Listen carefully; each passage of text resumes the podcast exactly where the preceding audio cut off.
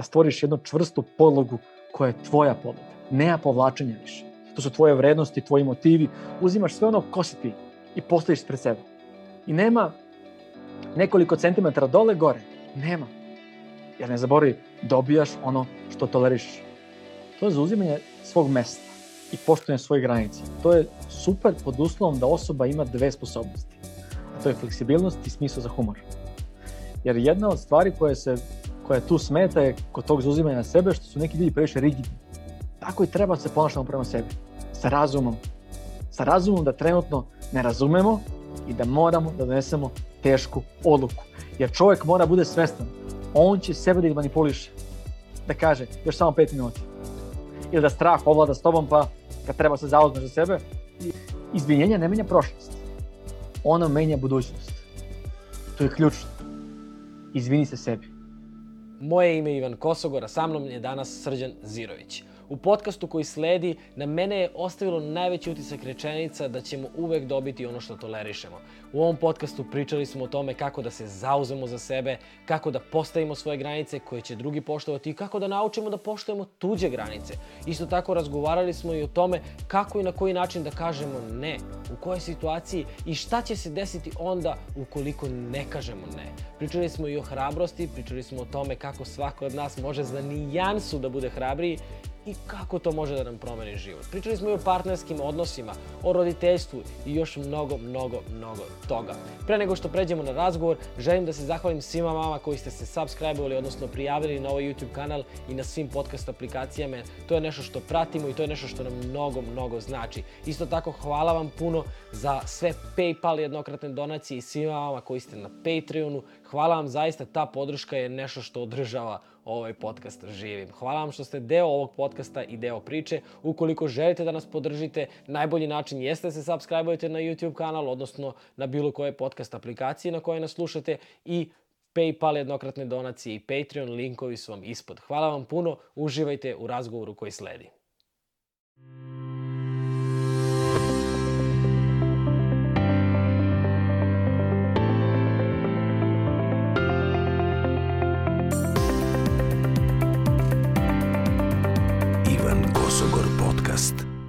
3, 2, 1, krećemo se. Srki, dobro došao. Ja ne znam koji je ovo podcast po redu, ali znam da je ovo naš prvi podcast na relaciji Amerika-Srbija i ovaj, definitivno ne naš prvi razgovor na relaciji Amerika-Srbija, ali ovaj, uh, razgovor koji ćemo snimiti. Uh, na samom početku hoću da ti se zahvalim uh, kada smo se tek preselili ovde, ti i ja smo vodili jedan veoma značajan razgovor za mene i razgovor koji je bio, sećaš se da je bila, uh, malo je falilo da prevagne jedna strana, bukvalno jedan klik o, ovaj, na, na kompjuteru, ali ovaj, dok smo pričali, prosto ti imaš tu neku nenametljivost uh, kada nudiš određene ideje. Uh, I to je, to je nešto što je, kao u tom razgovoru, znaš, obično kada, m, ja lično se teško poverim ili redko kada tražim od nekoga neko rešenje ili odgovor samo zato što znam da niko ne može da vidi iz moje perspektive, ali ti ja kada pričamo, meni nije potrebno da ti vidiš iz moje perspektive, ti ne daješ savet. Ti ja smo razgovarali i u tom razgovoru sam ja u nekim tvojim rečenicama pokupio ideje koje su mi bile kao, e, pa ovo može da, da ima smisla. Tako da, ne znam da li si svestan bio tog trenutka, ali ovaj, teo sam da ti se da ti se zahvalim i ovako, ovako javno u, u podcastu, zato što stvarno smatram da ono što radiš može zaista ljudima da mm, bilo bi previše egoistično da kažem promeni život zato što i, razumećeš i ti, ali definitivno može da im ukaže na to, ej, šta, šta još postoji kao opcija. Znaš, jer mislim da je, da je to ključ. Postoji mnogo ljudi koji obećavaju mi ćemo vam promeniti, ovo će vam promeniti, ovo će vam prvo hvala ti na pozivu. Zaista je uživanje uvek, svaki put. Evo, uvek, tako da. i ovaj put. Stvarno je uživanje i, i negde ovo ne doživljavam nikad kao, kao neko snimanje, već jedan razgovor koji je onako zaista, mm. zaista opušten i, i, i prijatan. E, uvek se nametne i rekao si ta nenametljivost. Pokušavam da ne govorim ništa nikome što nisam prošao. Ja stvarno ne znam to, ali se negde pogodilo toliko toga da sam se selio jako puno, da, da sam imao ličnih problema dosta i da sam tražio rešenja za to sve. I znam kako ti je bilo u tom nekom trenutku, jer sam bio i sam u toj situaciji kad nisam imao koga da pitam. I znam šta je bilo potrebno da, samo da budem strpljiv, da sačekam nešto. Treba sačekati. Imao izraka, kaže, strpljen spašen. Ha, sačekaj i sve dođe samo od sebe onako kako baš kako treba. E, ključna rečenica je bila uh, vučete da te vuče. I ja kao, da, tu sam. To je to zapravo. Ali, ali isto tako, znaš, kao taj razgovor smo vodili u 7 ujutru. Ko tebe. Mm. Znaš kao, hvala ti na tome. znaš. Mislim, to, to je kod mene već, već kasno jutro. Da, to, to, Srki se javlja i kaže dobar dan. Je kao... Danas pričamo a, o nečemu što je jako važno. Hm. Nečemu što je, bez obzira na, na to čime se bavimo, ko smo, gde smo odrasli, uh, bilo kojih drugih okolnosti i trenutne situacije, to je svakako borba koju svako od nas ima, to je borba za sebe.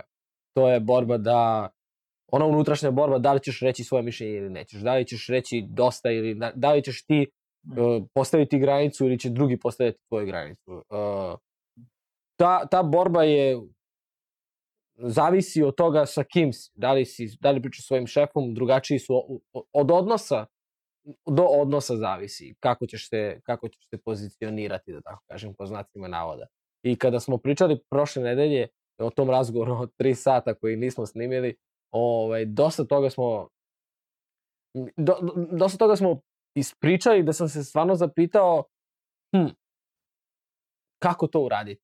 I ti si mi ispričao super priču i volao bih da sa tim zapravo i otvorimo celu, ceo ovaj podcast uh, o salati. Mi pravimo ankete na, na kanalu često, pošto kad pišemo o nekoj temi, volao bih zaista da znam i šta ljudi misle o tome.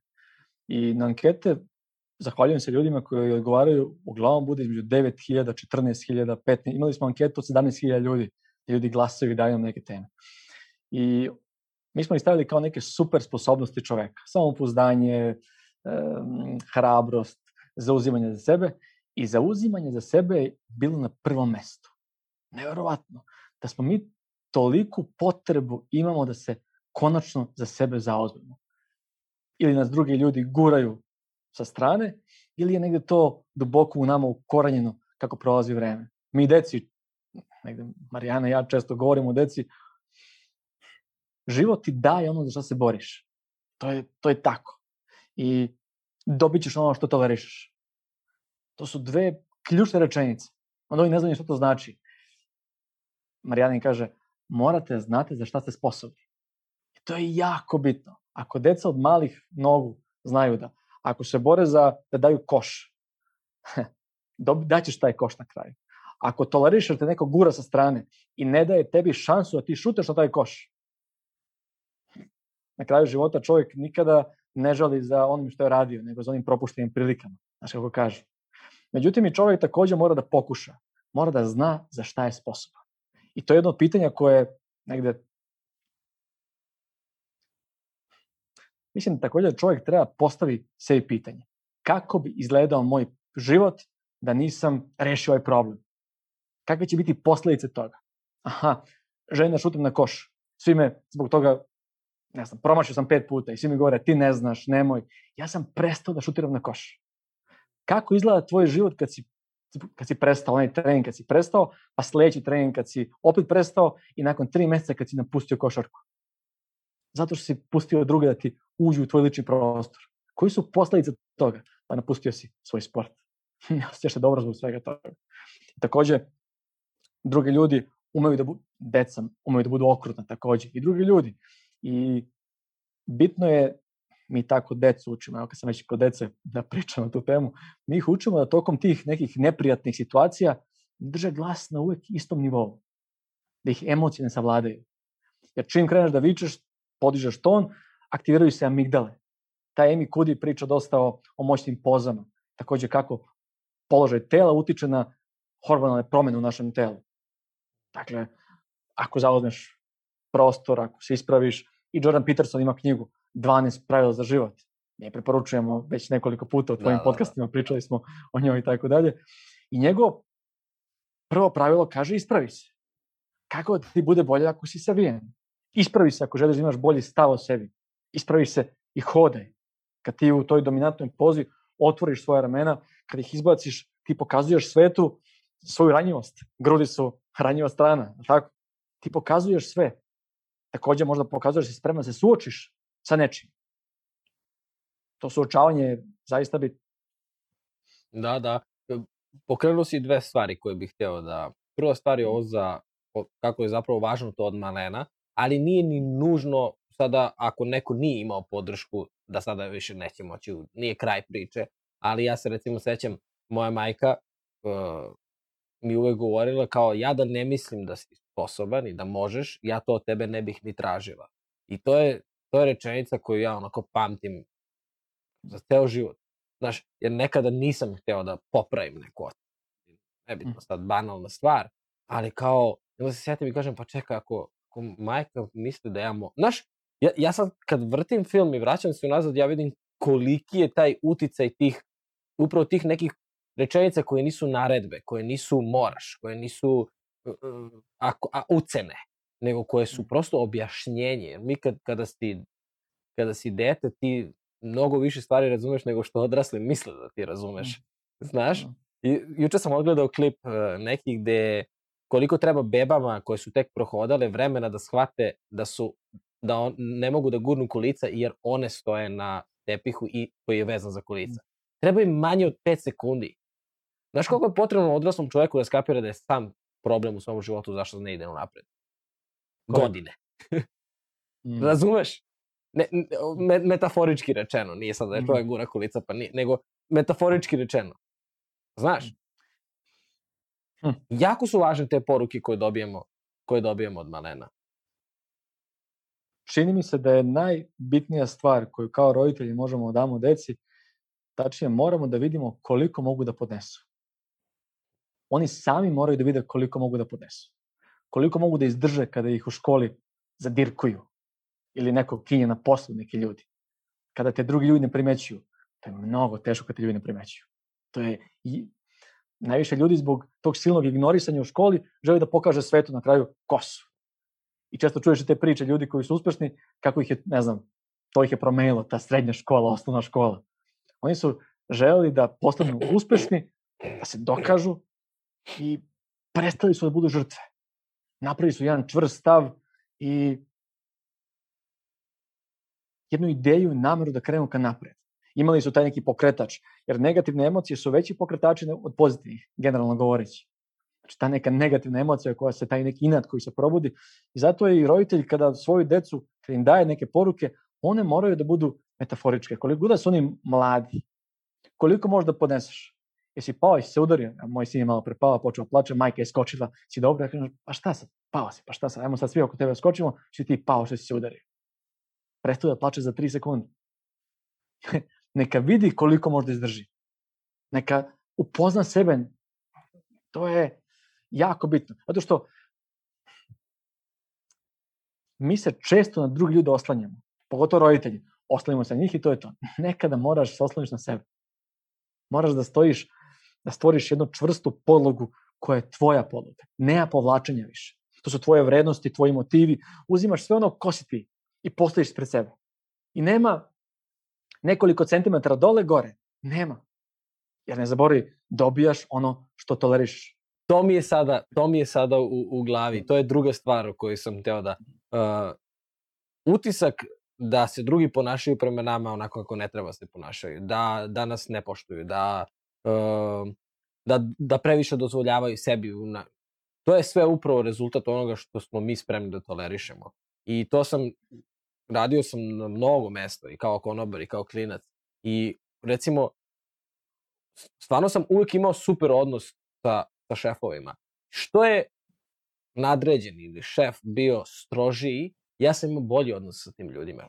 Isto tako i u srednjoj školi oni profesori za koji su mi govorili da su najgori profesori, ja sam, ja sam imao najbolji odnos sa njima. Samo zato što sam prosto od samog starta ja sa njima pristupao kao da su obični ljudi. Pa, pa, pa to je mogla biti moja majka u školi. Pa nije moja majka ljuta 24 sata. Da me razumeš kao, ta žena nije ljuta 24 sata. Definitivno. Neko nju negde bocne. neko Mm. tog šefa iznervira. Čekaj da vidim šta je nešto što on ne toleriše i gde on skače. Ja to neću da radim. Hoću da poštem njegovu granicu i istovremeno, automatski ja dobijam poštovanje moje granice kod tih ljudi u odnosu. I mislim da bi to, ajde, volio bi da pričamo o- baš o tim stvarima, kako da se izborimo za sebe, ali ja mislim da prvenstveno mora da krenemo od sebe. Onda da kažemo, čekaj, da li ja poštujem druge granice? Čekaj, da li sam ja neko ko je, ona priča za pčelu, mislim da smo to pričali na jednom podcastu, kada se sretnu dva prijatelja i ovaj jedan ga udari po ramenu i ovaj krene da psuje, da se dere, pa si ti normalan, znaš koliko me to boli, ovo, kaže čoveče, nismo se vidjeli godinu dana, kako da, pa kaže ujela me pčela juče. Znaš kao, nekog je možda ujela pčela, ti si rekao nešto i on je skočio, čekaj, možda si ti nešto, ajde, ajde da se vratimo par koraka unazad da vidimo, znaš, pos- mnogo su komplikovani ti odnosi, ali moramo uvek da krenemo od sebe. Moramo uvek da kažemo, ej, ja postavljam svoju granicu, ali ja moram da poštujem tuđu granicu. Mhm. ti si uradio jednu stvar tu koja je interesantna. To je zauzimanje svog mesta i poštovanje svojih granica. To je super pod uslovom da osoba ima dve sposobnosti. A to je fleksibilnost i smisao za humor. Jer jedna od stvari koje se koja tu smeta je kod tog zauzimanja na sebe što su neki ljudi previše rigidni. Mm. I ta rigidnost je pogubna. Mnogi ljudi zauzmu svoja mesta, ali onda ih drugi zaobiđu jer nisu fleksibilni. Ili su stalno u nekom konfliktu, stalno su u nekom sukobu, stalno imaju neke probleme, u svađama. Međutim, ako si ti zauzeo svoje mesto i sa tim možda se našališ, na dobrom si putu. I ako si zauzeo svoje mesto i kogod naiđe tim putem, ti hoće se boriš, se biješ, se svađaš, ti će da se okružiš ljudima koji su, koji su upravo kao i ti, koji tim događajima koji su komplikovani. Humor i fleksibilnost. Kad neko ume da primi šalu na svoj račun, on više nije zanimljiv u školi za zadirkivanje. Zauzmi svoje mesto, budi fleksibilan. U borilačkim sportovima ima, ima jedna priča o hrastu i o, i o e, vrbi. Hrast je čvrst i on se lomi, ali ta vrba ili breza, ne znam sad koje je drugo pitanje, ona je fleksibilna. Ona se pokreće. Dakle, zauzmi svoje mesto, ali budi fleksibilan. Ima i, ima i humor, budi duhovit. Ja kad sam bio u školi, kad sam bio mlađi, zadrkivali su meni velike uši. I to mi je smetalo u početku. I onda sam video Will Smitha koji se pojavio, koji ima velike uši isto. I on je u toj seriji koja je bila Prince of Bel Air, on se šalio na račun svojih ušiju. I ja sam počeo takođe u školi da se šalim na račun svojih ušiju. Moje uši, one me čine zanimljivim, ne znam nije šta god. Više nikome nije zadrkivao za te uši. Postalo im je dosadno. Da. Jer ja to prihvatam. Ja to promovišem. I onda su već postali kao, a dobro, ti tvoje uši. Verovatno. I to je upravo ta stvar. Ono što si rekao o, momku i zelenoj salati, to je jedna priča koja je, koja je ostavila na mene najviše, negde, najjači utisak. To je jedan mladić koji je fin, miran, smeran, sa velikim planima za život. Bukvalno. I ako bih morao da ga okarakterišem, reći bio je previše i dalje, zapravo više nije čini se, bio je previše dobar za svet. Svet je to iskoristio, ono što svet negde radi jako dobro, on kažnjava propuste. Jer vrlina, ako pogledamo vrlinu, ona kao da se obukla neki nevidljivi plašt. A propust, on je toliko uočljiv, pa makar bio i neprimetan. I taj momak je negde to osetio na sebi. Osetio je kako svet kažnjava svaki njegov propust. I nije mu bilo jasno zbog čega. Radio je sve ispravno, sve kako treba. Bio je tolerantan, pošten, nikoga nije uvredio, nikoga nije povredio. Što je išao dalje, svet mu uzimao prostora sve više i više. Kao da, jer na kraju svet voli da se širi, voli da raste, voli da osvaja, voli da uzima sve što mu dajete. Ako mu dozvoliš, on će da osvoji svaki delić prostora. E tog momka su ljudi sputavali, gurali, možda mogu da kažem, činili su da se on ostaje da je neprimetan. Za sebe on je bio tu, bio, bio je svestan sebe, ali ga svet nije video. I moment kad se promenilo sve, bio je moment kad je ručao sa kolegama sa posla i donao je svoju zelenu salatu, činiju, stavio na sto, dok je on jeo tu zelenu salatu, došao je šef i uzeo njegovu zelenu salatu. Dakle, te zelene salate bilo je koliko god hoćeš, bilo je za sve na tom ručku. Svi su mogli da uzmu svoje pune činije salate i tri činije, toliko je bilo salate. Ali ovaj je uzeo baš njegovu. Dakle, nije bilo u nedostatku te, te salate. Ovo je počeo da je nešto što je njegovo, čega ima u izobilju. Dakle, neko je pokušao da uzme i to malo što je uzeo za sebe, a čega već ima. On je posmatrao, gledao tu salatu kako nestaje i razmišljao šta će da kaže, da mu kaže, ej, to je moja salata, evo, ostaje mi salatu, predomišljao se. Na kraju nije izgovorio. Prepustio je opet deo nečega. To ga je opteretio taj događaj. Samo je trebalo da kaže, to je moja zelena salata, vrati mi, uzmi sebi drugu. Ili da, da kaže, ne znam, uzmi moju salatu, doneću ja sebi salatu kroz osmeh. Nije bilo bitno šta će da izgovori. Bilo je bitno samo da se zna da je on tu, sedi, bitan je. To je moja salata, vrati mi. I ta zelena salata njemu čini mi se omogućila da konačno otkrije koji je sledeći korak, koji je smisao nastavka života. Jer bez smisla sve što imamo to je patnja. To je ključno. Zapravo, na, na ovom primeru je, se vidi zapravo koliko se računa i ono što uradimo, ali i ono što ne uradimo. I ono što kažemo i ono što ne kažemo. I o, taj taj kompromis koji napraviš u tom trenutku i kažeš, ma, ok, prećutaću, se a, akumulira tokom vremena i, naš, postaje, ti zapravo tada izabereš kakav ćeš da budeš. I ti svaki naredni put ti je mnogo teže da izgovoriš. Znaš, prvi put je način da kažeš, ej, to je moje. Znaš, možeš da kažeš, prvi put čak možeš da se našališ, što ti kažeš, pa možeš da kažeš, jel ti dovoljno slano, znaš, ne znam koliko sam posolio malo pre dok sam jeo. Bilo šta od toga, ali samo nešto, svaki sledeći put je, i onda ti postaneš, od tebe se ne očekuje više da se boriš za tebe. Znaš, danas je zelena salata, sutra je da. nešto drugo. Znaš, promocija na poslu, lupam.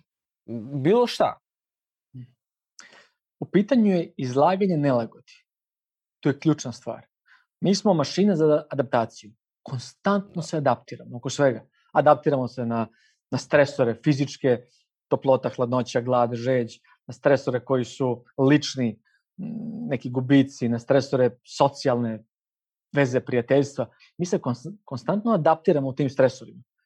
U akutnom, srednjoročnom, dugoročnom, Takođe imamo i odgovore na taj stres, odgovore koji su fizički odgovor, kako reagujem fizički na to, da mi se podiže krvni pritisak, e, srčana frekvencija, emocijalni, emocijalni odgovor, kako se osjećam zbog toga. Odgovor koji je kognitivni, šta ću da uradim povodom toga.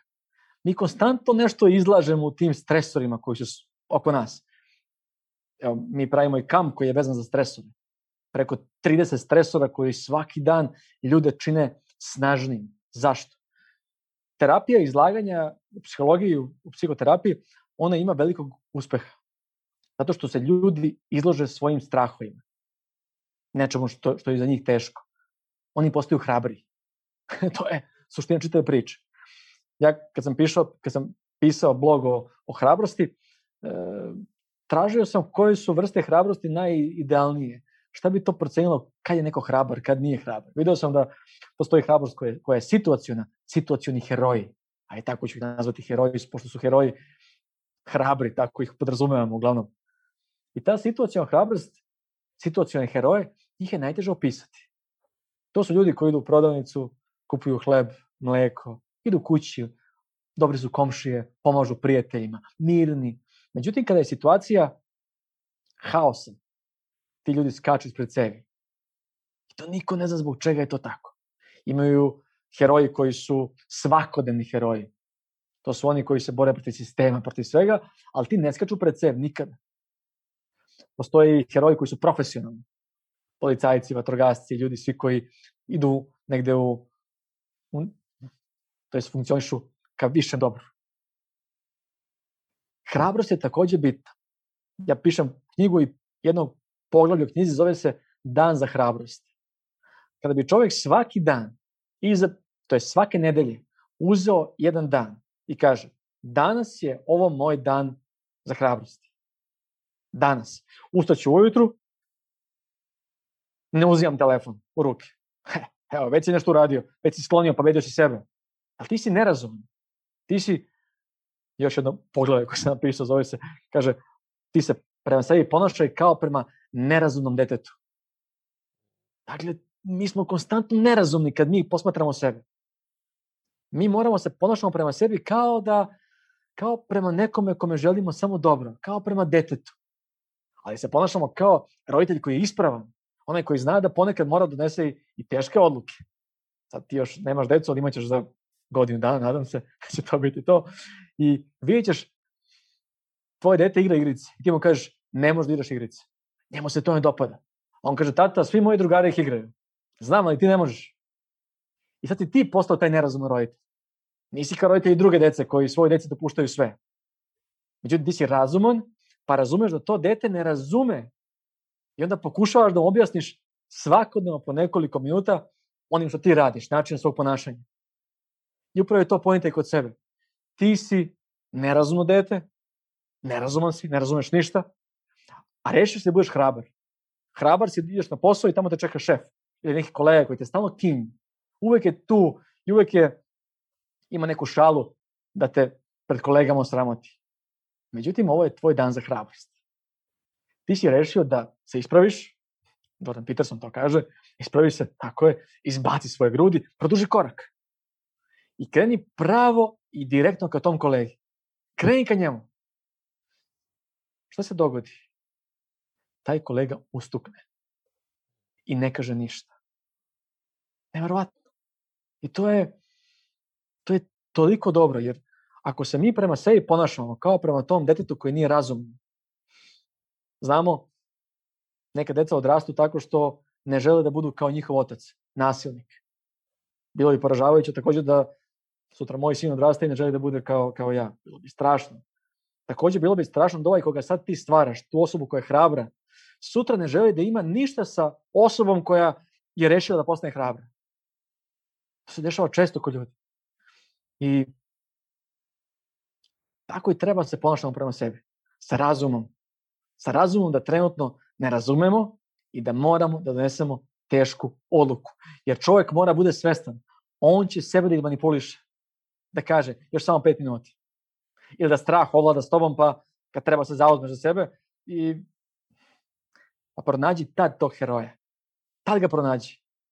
I drugi deo vičeti, beži, beži, a ti reci suoči se. Fizički odgovor na stres, kognitivni odgovor, emocionalni odgovor. Suoči se. Danas kad se suočiš, ti si otvorio jedan deo tvog potencijala. Ti si ušao u stres, adaptirao si se momentalno, izložio si se i telo je videlo da je to u redu. To je ok. Šta se dešava? Sledeći put bit će lakše. Sve lakše i lakše.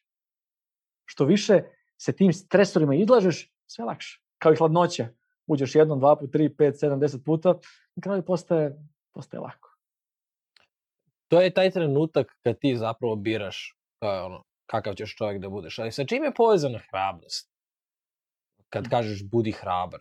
Znaš, jer sad si opisao si nek, različite vrste heroja i situacija kako, kako ko reaguje. I verovatno svako od nas je mogao da se ubaci u jednu od tih uloga.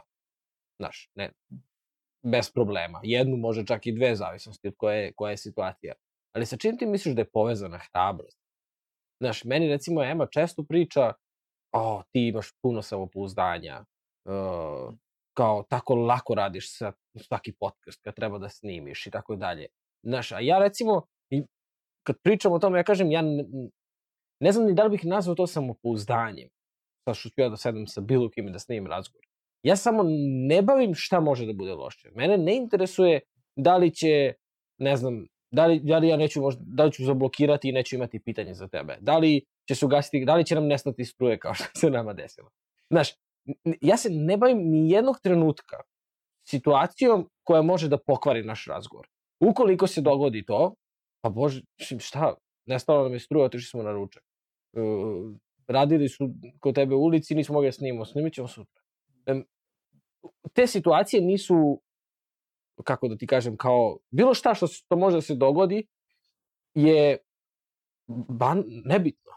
radit ćemo Mm. drugi put. I obično to ispadne onda mnogo bolje kad se malo sačeka.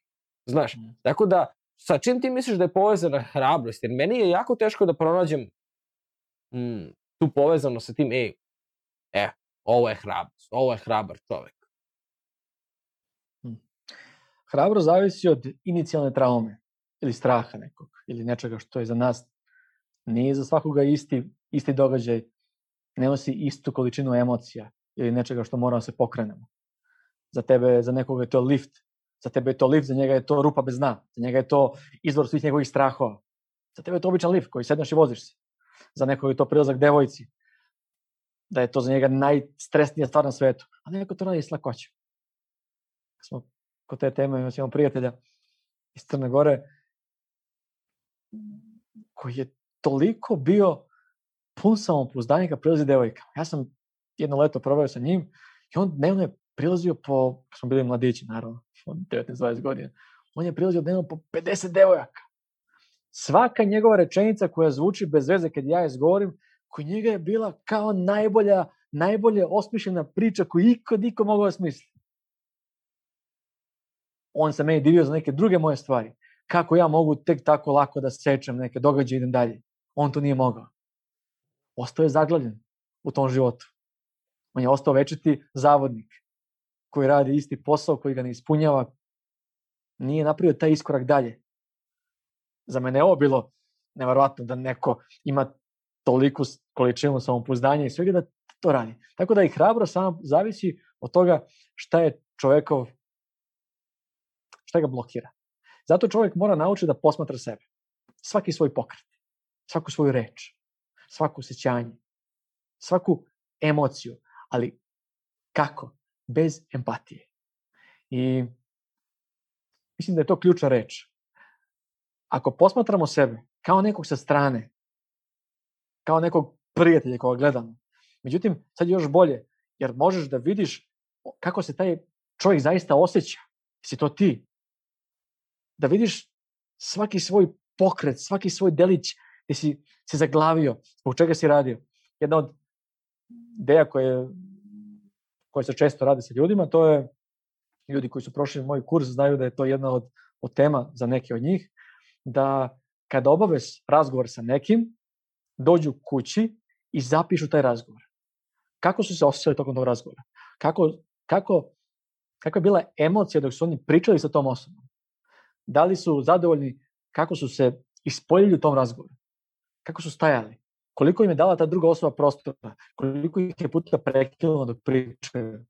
Da li su vratili svoju reč nakon tog prekida ili su učutili pustili njega da on završi svoje? I kad zapišeš svojih šest razgovora u toku dana, ti otkriješ mnogo toga o sebi. Mnogo toga. I, jer zašto bi neko želeo da se promeni? Zašto? Ljudi se menjaju iz, iz traume, iz nekog teškog događaja. Menjaju se jer žele dalje, a ne mogu da se vratiti onome ko su bili. Možda neko i ne primećuje da mora se promeni. I sve upućuju u svojoj okolini, partnerima, prijateljima, porodici. I govore im da su oni krivi. Ali zato je zapisivanje jako bitno. Pisana reč je hrabrija od izgovorene. Ne samo da je hrabrija, nego je mudrija, razumnija. I evo neka ljudi koji slušaju, neka probaju. Neka zapišu, bukvalno. Pozivaš, ovo je, mm, jako zvuči lako, kao samo treba da zapišeš nešto. I Mhm. Jako je teško pokušati da vidiš sebe. Prvo i osnovno, zato što jedna strana tebe želi, a druga strana tebe ne želi da vidi to. Mhm. Znaš, kao i sa svakom lošom navikom. Jedna strana tebe vapi za tim da to prestaneš. Želi ti sve najbolje. Druga strana ne razmišlja o tome. Druga strana je ono manipulativna. Pokušat će kroz, kroz emociju, kroz telo, kroz misao, kroz bilo koji drugi okidač da te uputi ka tome. I to Mm. nije nešto što sad kao ja ću sutra da prestanem sa nekom lošom navikom. Znaš, to je proces. Ali ono što je meni zanimljivo, ne znam da li si gledao ovaj sad uh, Wisdom of Trauma, što je izašao film, Nisam. obavezno da pogledaš. Fantastično je objašnjeno. Uh, dokumentarac je. Poslaću ti link. Uh, Može. okačit ću i link ispod uh, YouTube-a uh, u komentarima. Ne znam koliko će još biti validan, ali u ovom trenutku dok ti ja snimamo može da se gleda. Ali ono što je meni bilo zanimljivo nakon tog filma da sam, kako to, simpatično je, da sam sve vreme dok sam gledao film, mogao sam da zamislim dva, tri moja bliska prijatelja i vidim Mm. njihove traume. I razmišljam, čekaj, uhvatim sebe i kažem, šta je moja trauma?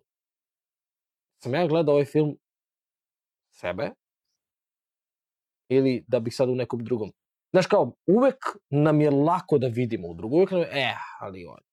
I pritom ne samo da nam je lako da vidimo te traume kod drugih ljudi, nego imamo i više razumevanja ka njima. A, pa, znaš, a kada smo mi u pitanju, upravo što si rekao, ponašaj se kao prema nerazumnom detetu. A to znači budi razuman prema sebi. To je, to je poziv da budeš razum, razumniji, da, im, da budeš blaži prema sebi. Najbolja stvar je definitivno zapisivanje. To je najbolja stvar.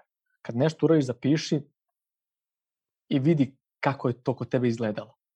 Ako se bojiš opet liftova tih, zapisuj svaki dan kad priđeš liftu, kako se osjećaš kad mu priđeš. Koliko si metara mogu da mu priđeš? 5, 7, 4, 3, 2, ne znam. Ima sam jednog mog sportistu koji se plašio se svađe, konflikta. I uvek je na terenu bio nek, neko ko je, kad je konflikt, on se sloni sa strane, pusti i tako dalje. Ja sam rekao, ok, čega se bojiš kod konflikta? Pa ne znam, strah me šta može se dogoditi. Dobro, ok. Onda smo se dogovorili da kad se desi neki sukob na terenu, a dešava se stalno neko, neko, neko koškanje, da on priđe bliže tom sukobu i da bude tu. I to je radio 4-5 meseci i bio je sve bliže i bliže i bliže tom sukobu. Ja sam ga pitao, šta se promenilo sad? Pa dobro, tu sam, dosadno mi da gledam to. Molim? Pa dosadno mi da gledam više, tu sam blizu, nemam šta da vidim, pa sad hoću da vidim da im pomognem da, da se to raziđe. Ha. Znači, on je došao da se izloži problemu, situaciji, onda je bio dovoljno dugo blizu tog problema, toliko da mu je dosadio problem, kad ti nešto dosadi, ideš dalje. Radoznalost čoveka vode, znatižalja, vode ga ka dalje. Samo posmatranje je mnogo bitno. I ne sam, evo, moram da kažem jedan primer koji može da bude interesantan. Kada je u pitanju zauzimanja sebe, ali u braku. To je, to je velika stvar. Jer zauzmi svoje mesto, ali budi spreman da dozvoliš drugima da takođe imaju svoje mesto. Jer život u braku je ume da bude komplikovan. I za mnoge parove, za mnoge parove počinje tako što um, imaju iste ciljeve, iste želje i vremenom počnu da se podrazumevaju. I da se, dok se okrenu već su detetom, sve je počelo čina podrazumevanja. Sad pišemo moje, pričamo o moje knjizi, jedno pogledanje se zove Dva jaja na oko, ali sad ne pričamo o njemu. I upravo se svodi sistemom podrazumevanja. Zašto podrazumevamo ljude pored nas? Jer, evo pogledaj jednu stvar, sad ti si u braku, pa znaš. Tvoja Emilija ustaje svako jutro, može ti ponudi doručak. Napriti doručak. I ti kažeš super i prve dve, tri godine braka, vi se igrate oko tog doručka, zezate se, čikate se, smejete se, ti si zahvalan na tom doručku i ona uživa da ga pravi. Zato što ona radi nešto za tebe i ti to što je svakodnevna obaveza i žene i muškarca, ti od toga praviš zabavu, šalu i, i ceniš to. Nakon nekog vremena ti ćeš da ustaneš ujutro i kažeš je gotov doručak. Ona ga već priprema ga već 20 minuta. Nećeš ga ni primetiti. Nakon 5, 6, 7 godina muškarac ustane ujutru, pojede i ode. Ne kaže ništa. Ili žena u nekom drugom slučaju. Podrazumevanje je naj, najteži događaj. Jer kada partner koji je podrazumevao počinje to da doživljava kao običajno ponašanje, to prerasta u jedan hladan odnos. I dvoje ljudi ne znaju kako je do toga došlo. Nema šanse, oni ne znaju to. A počelo je sve sa malim činom podrazumevanja. I kada kažeš tim ljudima, ok, ajde napiši mi na papir, molim te, šta ti smeta kod njega? Smeta me što ustane ujutro i samo jede i ode. A šta on kaže? On kaže, smeta mi što mi ne kaže ujutro ni dobro jutro, ni volim te, ništa. Pa, vidiš kako su te sitnice. Nekad je ona pripremala doručak, on je ušao, pa se igrao oko nje, njoj je to bilo lepo, pa ga je poljubila, pa ga je zagrela, ali to je sve nestalo. jer su jedno drugo počeli da podrazumevaju. I te sitnice, kad je čovjek zaljubljen, kad je od ljubavi, on mora da, da posmatra i zna svaku sitnicu u njegovom braku, u njegove vezi, zbog koje se to dvoje ljudi osjećaju sjajno. I da ih nikada ne zanemari, nikada u životu. Da konstantno ima to to golicanje dok neko priprema doručak. Taj poljubac za, za, za doviđenja, šta god. Ali to mora da ostane. I oko toga mora se trudi. I tu je takođe to samo posmatranje. Moraš, moraš da moraš da znaš šta si prećutao, zbog čega si postao podrazumevan. Naravno imaju i partneri kad im ti jedna osoba ne želi da bude podrazumevana u toj, u toj, u toj priči, ali oni su u konstantnom sukobu. Imaju partneri kad su imaju iste ciljeve, ali su im koraci do tog cilja različiti. Jer i nemaju razumevanje. I odjednom isti cilj postane različit. Nevjerovatno. To sam vidio često kod ljudi da i muž i žena imaju isti cilj. Međutim, ne razumeju se uopšte. Jer su im putevi do tog cilja postali različiti. Neko je rekao, kad si na nekom putu, budi siguran da možda znaš da je to pravi put. Ili bar da imaš nekog pored sebe ko će ti kaže da je to pravi put. To je sjajna stvar. Znači, negde idem i ja ako ne vidim da je to pravi put, pa ona osoba koja je pored mene mogla da mi kaže, ej, ovo je loš put ili dobar put a ti moraš toliko da budeš otvoren da kažeš, ok, možda je ovo pravo. Zbog toga su ljudi koji nas kritikuju jako značajni.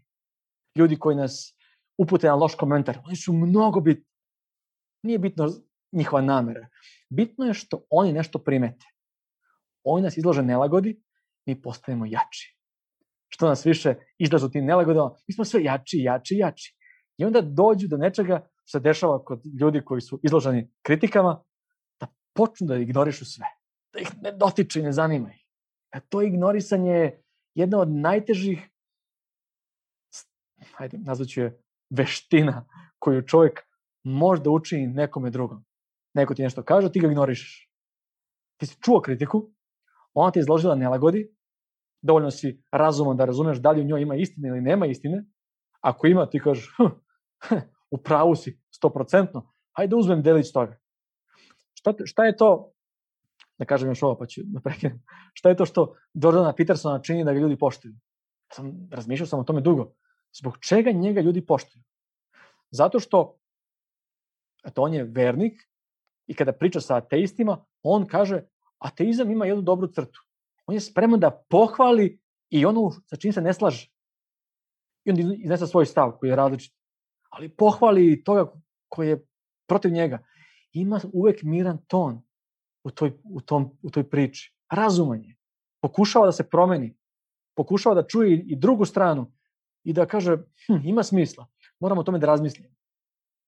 Ne li bi se to da izgovori? I on ima puno poštovanja. On ga je zaslužio. Jer čak i kod svojih protivnika ili suparnika, on, on je zove poštovanje. Jer je spreman da čuje njihov stav. Spreman je da čuje njihovu priču. I spreman je da kaže, ovo ima smisla. Ako na kraju to zaključi.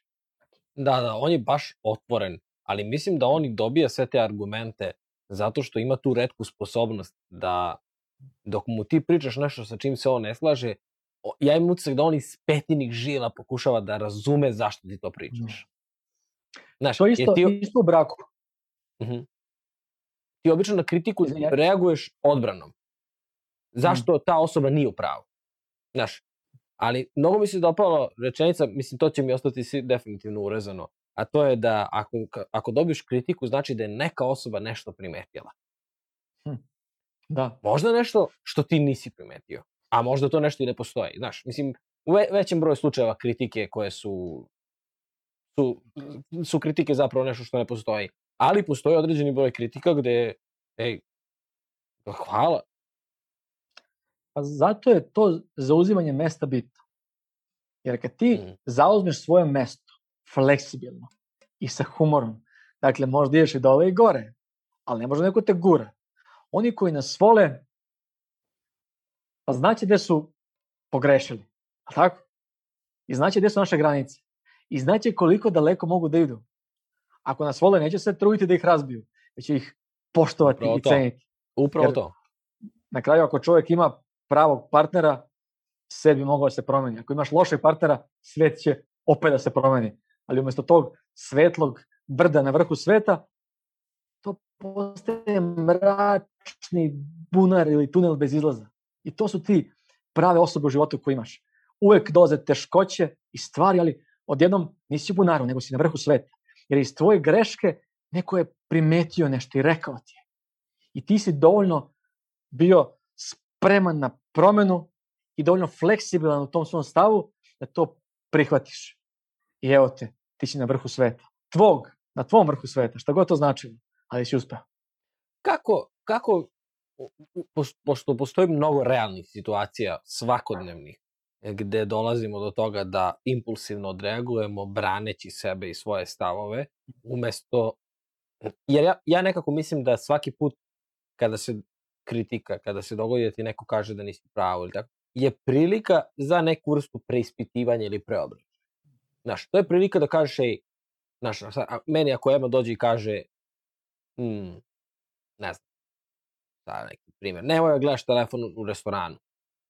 Znaš, ja, i to, je, to je bilo recimo na početku naše veze. Znaš, ja dođem mahino, ja nisam ni primećivao to. Ja sam, znaš, ja, ja kažem, molim te kao, ajde da budemo zajedno sa telefonom ej, ona sad uzme telefon na, na sekund, ja primetim, kažem, aj bre da pričamo. Ali ne zato što ja sad udaram kontru, zato što sam ja sada postao svestan koliko je prijatno i lepo biti sa njom u nekom restoranu, ručati pričati. Više mi se to sviđa nego nešto drugo. Ali, znaš, ja nisam bio ni svestan te prilike da budemo tu zajedno, jer sam, znaš, ko mahinom uzmem telefon u ruke. Znaš, to je sad neki neki primer, ali to je, ja sam to prvo shvatio kao kritiku, kao čekaj bre, tek sam uzeo telefon, znaš, to je bila moja prva misao. Bila je uporna. Ema je bilo jako uporno o tome da se to, znaš, tada to više nije, nije, to ne radim više, znaš, ali kao kako, kako primiti tu kritiku, a da, a da je iskoristiš? Kako iskoristiti kritiku kao priliku? Jedna od emocija za koju sigurno znamo da oštećuje srce je ljutnja. To znaju svi. To je taj famozni tako cubo efekt. I uglavnom kad čovjek dobije kritiku, on se naljuti. Međutim, ako nosimo tu ljutnju sa sobom, pa bolje da tu emociju usparimo negde da nam je potrebna. U neku konstruktivnu ideju, stvar. Jung je govorio, ujedini um sa emocijama. to je jako bitno da ne prihvatimo tu ljutnju, kad, kad dođe ljutnja, kad, do čega se ja ljutim? Ti se zauzmi za sebe, postavi svoju granicu, budi spreman da braniš svoju granicu, ali moraš da primiš takođe informaciju i moraš da znaš sa čime raspolažeš u toj odbrani. To je malo ajde da, da odem u širinu, da, da mi ne zameriš, jer kad sam bio mlad, eto, otac me i majka su me vodili na film Bruce Lee u Zmajevom gnezdu. Bio sam jako mali otac mi je rekao, ti si čitav film si bio gore i, i borio si se, udarao si se, čitav bio se tebi smejao. Dakle, ja sam proživeo tu njegovu borbu kako dolazi. Međutim, ono što se vidi kod tih junaka, Bruce Lee, Jackie Chana i tako dalje, to glavnog junaka uvek neko osramoti. Pogotovo ako si, ne znam da si ti dovoljno star da sećaš filmova o Jackie Chanu koji su bili u nekom serijalu Veština zmije, ždrala i tako dalje. Ima da, neki... da, da. E, Čekaj, bravo, za nije, za nije Bruce Lee? Za nije Bruce Lee to? Ne, to je Jackie Chan bio. Imao je svojih... A, Bruce Lee u Zmajevom gnezdu, bravo, bravo. Ne, ne, onda okay. ne znam to za Jackie Chana. Ne, ne, znam, ne znam što, da. U svakom njegovom filmu dogodi se da ga neko sramoti. Načini mu neku veliku nepravdu. I on reše se zauzme za sebe. Da se osveti za ono što su mu doneli, što su mu uradili. Međutim, u svim tim filmovima glavni glumac nešto uradi. Šta uradi? On uzme vreme da stekne veštinu. Dakle, ako me neko uvredio, ja se ljutim na njega, krenem da budem agresivan, da budem, da se pravdam. Čekaj, čekaj, čekaj, samo. Neko mi je nešto rekao. Ja imam moj stav. Moram da razumem šta ta osoba hoće da mi kaže. Ako je ta osoba u pravu, ja ću da uzmem vreme da steknem veštinu. Tako i oni isto. Sticali su veštinu, razvijali je, brusili je, postanju, postanu u njoj dobri i onda se suoče sa svetom. Jer čega se čovjek plaši kada su pitanju konflikti? plaši se da ga neko ne udari ili ne povredi. A tako. I zato je bavljenje borilačkom sportom jako bitno. Moj sin kada je, evo sad, ima 8,5 godina, teo da trenira mnoge sportove, ja sam mu rekao, može sve, ali obavezna je jiu-jitsu. Sve drugo što god hoćeš može, ali ovo je obavezno. Ovo je kao škola. Jer borilački sport ti, omo, on ti omogući da shvatiš da nije strašno dobiti udarac. A šta je strašno? Pa strašno je zadobiti udarac i ne vratiti ga. Strašno je zadobiti ga i da imaš strah da ga vratiš. To je strašno. I taj događaj kasnije muči i teroriše. Jer zato je borilački sport jako dobar, zato je, zato je sjajan. I studije su pokazale da tinejdžeri koji treniraju borilačke sportove nisu ništa agresivniji od tinejdžera koji su uključeni u timske sportove. Čak imaju malo manju dozu te agresije. Sad sam teo ti kažem, ja ne znam ni jednog borca koji je agresivan. Kao, Upravo to. ne znam. Nikoga ko je, pa, iz mog grada, koji su kickbokseri i tako, ja lično ne znam, ne kažem da sad generalizujem da niko nije, ali uglavnom su ti ljudi ekstremno smireni. Mm. Ne znam da Pa, si imao priliku, izvini, sportovi, da upoznaš Kukolja, Aleksandra Kukolja, ali to je, to je, to je ja sam s tim momkom toliko oduševljen.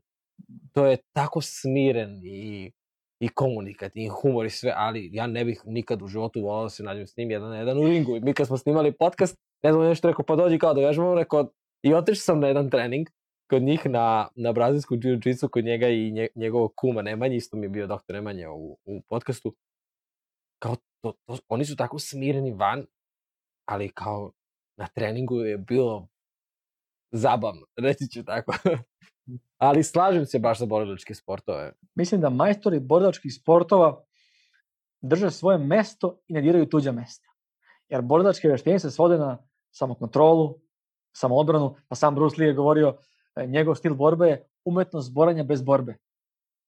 I taj osjećaj da smo mi borbeno sposobni, mnogim ljudima daje šansu da kažu ono što žele u oči. Da jasno iskažu svoj stav kad im se nešto ne dopada. To ti primjer i Joe Rogana, koji je, njegov podcast je, nije slučajno najpopularniji. On je jedan sposoban tip koji razmišlja svojom glavom. I nema strah da kaže bilo kome ništa. Ne, Miran ne. je. Ne slažem Kad se. se s njim sukobi, njegov glas je miran.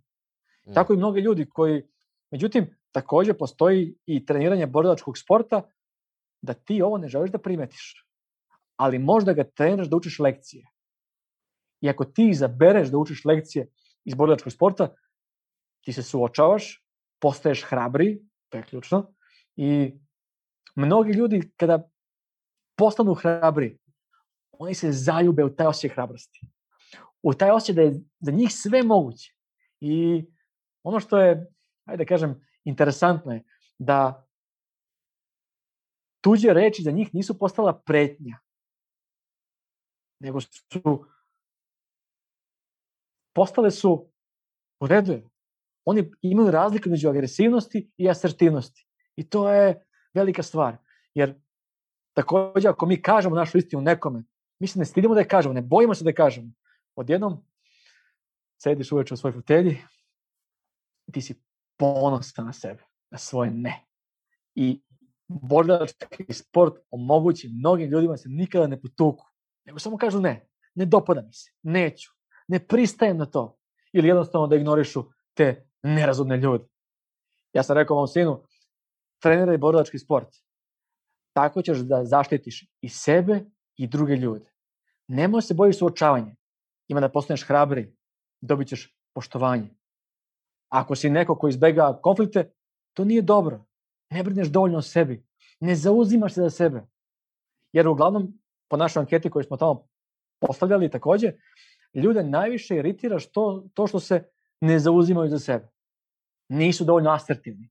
Drugih iskorišćavaju. I cena koju, plać, koju plaćaju je zaista velika. I, međutim, ta cena je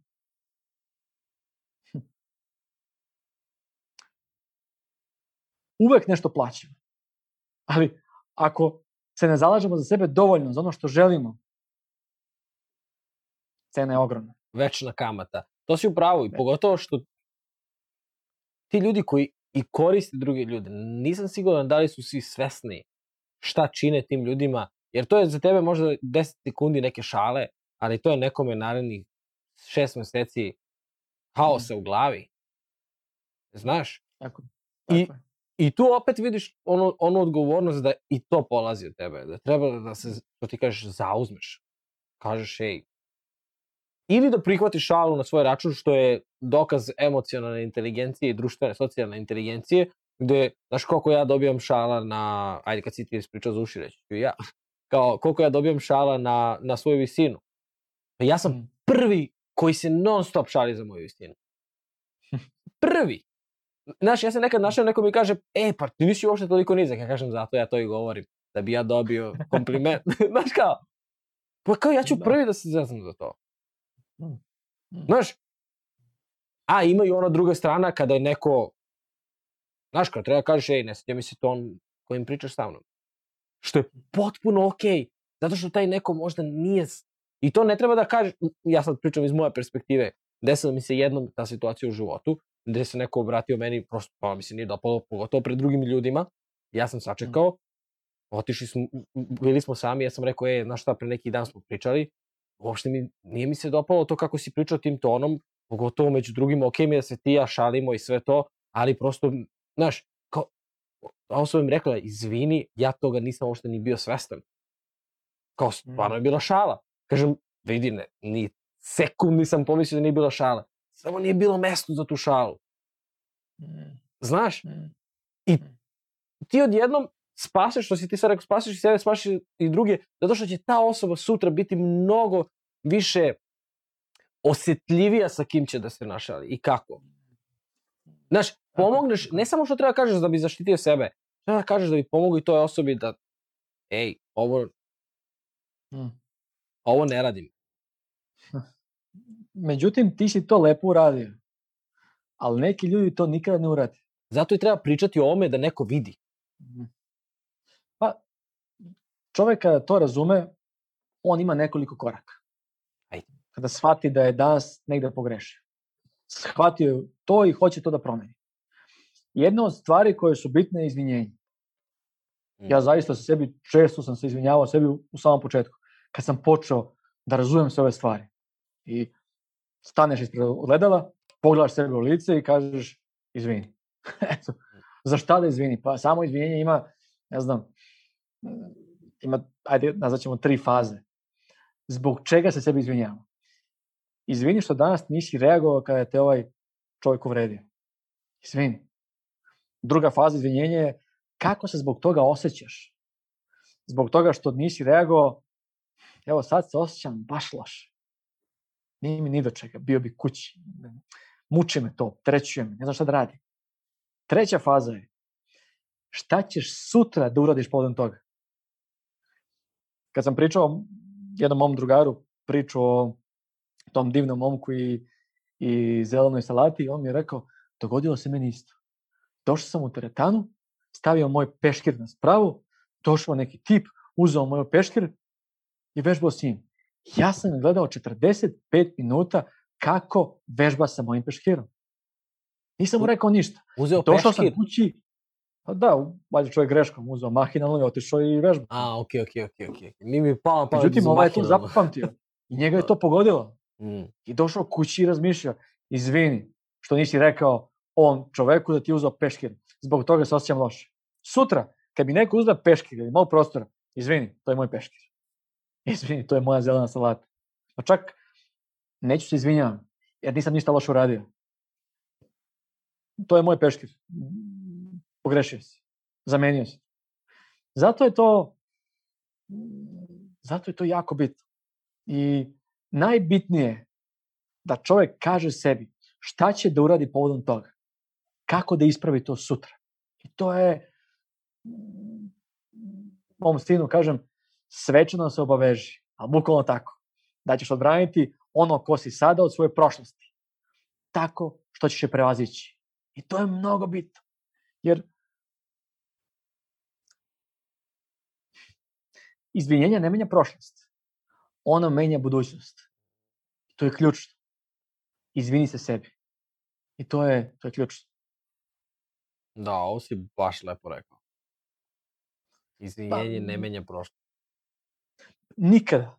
Menja sutra. Ako si ti u da kažeš nekome izvini kad pogrešiš, čoveče, ti si vaš odnos za sutra promenio. Ako si u da se izviniš sebi, što to čovjek koji žudi za mnogo toga, treba se izvini sebi što je bio siromašan to svo vreme.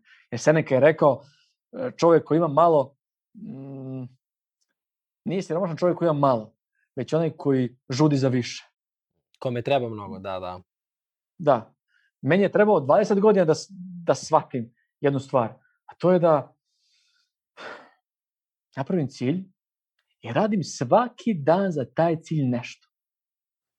I da sačekam nekoliko godina da vidim gde će taj cilj biti tada. Ti si, to, ti si najbolji primjer toga. Ti si počeo da radiš ono sve što si radio, svoj posao, svoje obaveze, ali svaki dan si uradio nešto za tvoj cilj, za svoj mali projekat. Neko će da sagradi kuću do ptice, neko će da promeni posao, ali neće odmah, nego će da stekne veštinu, kao oni iz borilačkih sportova, oni, oni junaci koji su uzeli vreme da steknu veštinu, da se onda pokažu svetu. Moja čerka, evo moram da, da kažem nešto za nju, jedna priča koja je se dogodila nama pre neki dan u kući. Ja sam joj pokazao, pošto je jedno ponašanje ispoljila koja mnoga deca ispoljavaju. Ja sam joj pokazao reality, e, mislim da je bilo neki američki show, ja imam talent ili, da, evo, Marijana je prvo mene pa mi priča. Ja imam talent, gde dolazi osoba koja ne zna da peva i kojoj žiri govori da ne zna da peva, a ona na tu kritiku reaguje agresivno, a zaista ne zna da peva, svađa se, baca mikrofon i tako dalje. Dakle, toj osobi su roditelji i svet učinili štetu. Jer nisu rekli da nema veštinu za to. Nema talent za to. Stekni veštinu, pa pokaži svetu ko si. Evo ti stičeš veštine. Svaki dan vežbaš, to je tvoja veština, to je tvoja praksa. Ti si rešio da postaneš to što hoćeš. Svoj mali projekat imaš. I mi smo to pokazali našoj čerki, ona to nije baš dobro usvojila odmah, naljutila se, ja sam rekao, pogledaj, imaš isto ponašanje kao i ta devojčica tamo koja se isto naljutila. I to im ukazati deci, to je neprijatno za nju. Međutim, šta je radila pre tri dana? Dojela mi je svesku, kupila je, mama je kupila knjigu kako se crta lepo, pošto je bilo oko crtanja priča, i nacrtala je nogu, koja zaista lepo izgleda. Evo pogledaj, ona je tri sata gledala tu knjigu, okretala je, crtala krugove, pravila, da bi napravila na kraju kako treba tu nogu. Naučila je svoju lekciju. Lekciju da bi se pokazalo nečemu, mora da stekne veštinu. I to je ključ. Mislim da je to Wow. značajno. Da, da. To je, to je baš dobro. Pa to je ono kao danas pričali smo pre ovog eh, podcasta što snimali o Tyronu Lannisteru. Mislim, ja stvarno volim filmove fantastike, avanture i zvuči čudno, ali uvek i Marijana i ja kad gledamo neki film, pronađemo rešenja za mnoge životne nedaće, neprilike u, u, u tim serijama. U toj jednoj e, sceni u Igri prestola, taj princ Joffrey viče na jednog od svojih savjetnika, govori mu, ja sam kralj, kazniću te. A Tywin Lannister kad gleda sa strane, glumac je glumio to sjajno, i kaže mu, svaki čovjek koji mora da kaže ja sam kralj, on nije pravi kralj. On je želeo da mu kaže da moć ne dolazi od toga ako govoriš drugima da imaš moć, već moraš da je pokažeš. Ako želiš da pokažeš drugima da si preuzeo kontrolu nad svojim životom, nad svojim crtežom, ti nemaš niš, ništa od toga što im govoriš, već možeš da im pokažeš. Moja čerka je to uradila. Pokazala mi je da je ona preuzela kontrolu, da postaje veštija u tome. I gde ćeš bolju priliku da zauzmeš svoje mesto? To je sjajna stvar. Takođe, današnja anketa, ljudi, ljude često prekidaju dok oni pričaju. I to je najbolje mesto za početak zauzimanja sebe. Neko te je prekinuo, gledao sam takođe jednu emisiju gde su bili zajedno otac i sin, sin koji je neiskusni, počeo je da priča, njega je vojitelj prekinuo, sin je učutao momentalno. Međutim, kada je prekinuo oca, otac je završio svoju rečenicu snažno. Iako je bilo nekoliko glasova, on je malo podigao svoj ton i završio svoju rečenicu. Ona završim to što imam da kažem. Evo ga, on je pokazao, tu je moje mesto, ja sam spreman da se prilagodimo situaciji i okolnosti, ok, ali evo, izvoli, ovo sam ja. Više ga nisu prekidali. Zauzeo se za sebe. Mm, Da, da. Zauzeo se za sebe. Napravio je, napravio je to, to, to dobru stvar. I, I to, reci, izvini. Ti si, ti si filmofil i uh, Yes. nekoliko filmova si mi preporučio koji su meni bili kao wow, recimo onaj film animirani Soul, Duša, ne znam kako su preveli kod nas. Jeste, To je jeste, mislim da- Jedan od deset najboljih animiranih, ma deset najboljih filmova koji sam ja gledao, koji objasnio suštinu. Tako, Znaš, tako, tako. I ja gledajući danas iz moje perspektive taj film i da sam ga gledao pre 10 godina, ja, ja bih se ježio u svakoj situaciji. Mislim, to, to, je- to, to mi je neki stav. Već sam ga gledao dva puta, ja redko kada gledam nešto dva puta, ali kao planiram da ga gledam kroz par godina, da vidim kako ću ti tada ostati. Mm, mm. Ah, e, ljudi koji pišu te filmove zaista posvećuju mnogo pažnje svemu tome. Zaista se trude da svaki dijalog ima neki svoj smisao, da ima nešto svoje što znači. I evo, Marijana sada 20 dana već uzima najbolje rečenice iz filmova na koje ljudi ne obraćaju pažnju. I pronašla je danas iz Gospodara prstenova e, taj isto Lannister, iz mnogo filmova je pronašla u stvari rečenice koje opisuju suštinu. Iz Kung Fu Panda ima jedna rečenica koju mi je danas rekla i zaboravio sam kako ide, probaću kada Kung Fu Panda, ne znam kako se on zove, on priča sa, sa tim svojim e, sa onim ždralom i ždral mu kaže znači, e, ždral mu kaže da ima ožiljke. I Kung Fu Panda mu kaže, no, rane zarastaju. A ždral se okrene i kaže, rane zarastaju, ali ožiljci ne. Čoveče, kakva rečenica. Mm. Onda mu Kung Fu Panda na to kaže, prestani živiš u prošlosti, živi sada. Međutim, rane zarastaju, ali ožiljak ne. Ožiljak moraš da tretiraš masažama, kremama. To žene, najbolje žene znaju one, mislim žene znaju, koje imaju posle porođaja, možda dobiju i, ne znam, možda ih tako dađe, oni moraju da se tretiraju. Tako i u životu, kad dobiješ ožiljak, moraš da ga tretiraš sa pažnjom, da zapišeš sve iz tog događaja, svoje emocije, kak, svoje osjećanje, šta da, kako da rešiš to. Moraš da, da tom osjećaju priđeš duboko i precizno. I to je ključno. Kako da sledeći put taj događaj rešiš u svoju korist. Taj događaj. Neku sličnu lekciju koju si imao. Jer lekcije u životu donose jednu stvar. To je da se stalno ponavljaju dok ti ne rešiš nešto iz te lekcije. I svaki put ta lekcija postaje snažnija, postaje, postaje agresivnija. Jer ti ne razumeš. Život ti kaže, evo, nisi popio vodu, žedan si. Dobro, sledeći put će da ti, da, da ti da neku jaču lekciju. Odnosno na to, to što ne piješ vodu, razboleo si se. A i tako dalje. Dakle, uvek život šalje iste lekcije. Tačnije, šalje ti različite sadržaje, a lekcija je uvek ista. Ovo je zaista, što je rekao Kung Fu Panda, da je zdrav, bilo je sjajno. Rane zarastaju, ali ožiljak ne. Moraš da ga tretiraš. Posveti mu pažnju. Kada si poslednji put osetio da su te ljudi gurnuli sa strane? Kad si to osetio? Kako se zbog toga osjećao? Izvini. Što si dopustio i dozvolio drugima da te gurnu sa strane. Izvini. Znam, bilo ti je teško. Mnogo teško. Zbog toga si patio. I zbog toga si narednih tri godine imao ista ponašanja. I iste si imao akcije, i, i, to jest imao si događaje iste koji su se dogodili. Od sutra je tvoj dan za hrabrost. Više nećeš da uradiš to. Kad ti neko uzme tvoj peškir, rećeš to je moj peškir. Kad te neko prekine dok pričaš, ti ćeš da kažeš samo malo. Ili ćeš da završiš svoju rečenicu do kraja tako što podigneš ton. Zapiši svoje ožiljke i pristupi im negde nežno i- i polako. To je ključno. Da li bi to bio način da postavimo granicu, ako sam te dobro razumeo?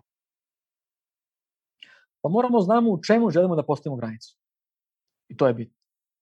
Šta je to što nas remeti? Mnoge ljude remete različite stvari. Ako bih počeo od onoga ljudi što, što ja često, čujemo ljudi, to je bukvalno da ih ljudi ne primećuju. Tako se osjećaju. I onda oni šta rade? oni kupuju bolju garderobu, teže ka više materijalnih stvari, da bi ih neko primetio. Kako ih da primećuju? Tako što ih prekinu dok pričaju. Tako što ih iz razgovora isključe. Tako što ih kritikuju često. A kritika je onako, ljudi se postave iznad njih. Kada se neko iznad tebe postavi, onda on hoće bude autoritet. Ima jedna tehnika koju mi često radimo, to je kada želiš da u toku razgovora s ljudima koji žele da ti budu stalno autoritet, kad želiš da postaviš svoju kontrolu sebe, kad ti oni postave pitanje, zbog čega si to tako uradio? Znaš, ljudi uglavnom hoće da ti, sad će ti daju neki veliki savet. Ti ako odgovoriš, ti si žrtva. Ti si onaj koji odgovara. Međutim, ako postaviš pitanje na to, ti si odgovorio na pitanje pitanje. I veliki govornici, političari, često na pitanje voditelja, sagovornika odgovaraju pitanje. Da preciziraju neki, neko pitanje koje su postavili. Da neće da budu podređeni. Hoće da budu jednaki, isti. Zato je to postavljanje pitanja jedna bitna veština koja takođe mora da se razvija da bi čovjek mogao da je na pravi način negde usvoji. Viš kako je zanimljivo sad dok si mi ovo pričao, da se igramo tih uloga podređeni, nadređeni, jednaki. I nekako sebe smatramo kao ljudsku vrstu naj, uh, najinteligentnijom, kao da smo evoluirali, da... ali mi smo i dalje klub protiv kluba, grad protiv grada, ova stranka protiv ove stranke. Mi dalje hoćemo da budemo deo nekog klana, neke, neke grupe. A te grupe smo bili i pre koliko hiljada godina od ovoga što, što nas uče. Ajde, da pričamo o tome što mi znamo danas. I, I dalje smo u istim pozicijama. Ne znam da li me, da li me razumeš kuda hoću da im sa ovim, ali sav taj izvor patnje kroz, jer ovo je stvarno ozbiljna tema, ti, ja sad, ti sad daješ sad primere sa, koji su lagani, koji su razumljivi, koji, ali to su mnogo ljudi ima koji su nesrećni zbog, zbog stvari koje se dese u, u 10 sekundi ili minut i tu nesreću vuku sa sobom jako dugo i projektuju je kroz razne druge odnose. Gde mm. ti, ako te neko uvredio na poslu, ogorčen odeš kući, uh, svojim ponašanjem ili svojim neponašanjem uvrediš svog partnera, prijatelja, onda prenosi se, zarazno je, zarazno je ogorčenost i ljutnja je zarazna. Mm. A sve zbog tih uloga u kojima se mi osjećamo superiorno ili, ili ne. I mislim da je taj izvor patnje zapravo ta naša realnost koju stvaramo. Tražim reči, pa zbog toga sad malo steckam, ali reći ćemo da je internet. ali, zna, znaš, kao stvorili smo neku sliku o svetu i o životu, gde ću ili da se izborim, ili ću da se predam. A možda ne mora ni jedno ni drugo. Ovo sad dajem samo kao hipotezu. Znači kao, e, ajde vidimo šta može da bude ovo. Da li, znaš, da li možda, da li bi možda bio pristup, to je nešto na čemu ja sada radim i pokušavam da kao, da primenim prosto, a to je da, ajde čekaj da vidim, juče sam recimo došao, nikog nije bilo kod kuće, i ja sam seo i gledao zalazak sunca. Ema je gledala neke minđuše u, u molu, e, ostatak porodice je bio negdje. Ja sam gledao zalazak sunca i razmišljao, ok, i govorim sebi, go, pričam naglas, razmišljam naglas, tako sam rekao, razmišljam naglas. Šta ako poštujem svaku sekundu koju imam ovde? Šta ako sam zahvalan za svaki mir? Za svaki ukus? Za svaki dodir? Za svaki razgovor koji svaku reč koju sam čuo ili koju sam uputio. Šta ako bi tako, znaš, šta ako je jednom se živi nije izgovor, nego je, nego je opomena? Šta ako je, e, jednom se živi? Ej, jednom si svestan ti ovo. Čekaj, šta, šta ima tu? Da li, da li onda, da li onda manje bitno uh, šta ti neko rekao? Da li onda manje bitno šta ćeš ti nekome da kažeš? A sve ovo nije ezoterija, nije mi sada kao ja sam sad mističan postao, nego sam video snimak uh, ovaj poznati glumac i sad mi je stao mozak, uopšte neću razmišljati o, o njemu, ali mm, bio je u svemiru sa, sa ovim osnivačem Amazona i kada se spustio, intervjuisali su ga. Čovjek je plakao i govorio je na planeti je život, a samo ne znam koliko hiljada metara iznad nas je smrt, je tama, jer nemaš vazduha, jer kao planeta nam, nam daje sve. I bukvalno sam, gledao sam snimak, to mi je poslao uh, doktor Vuk, bio si sa njim. Uh, poslao mi taj snimak, ja, ja sam se bukvalno ježio, ja sam teo da plačem kad sam gledao čoveka, odraslog, koji je otišao i video je planetu koja izgleda ovako, i koji je plakao dole jer je shvatio, ej, i živimo zahvaljujući toj maloj planeti. Znaš, izbori se za sebe je jako važno.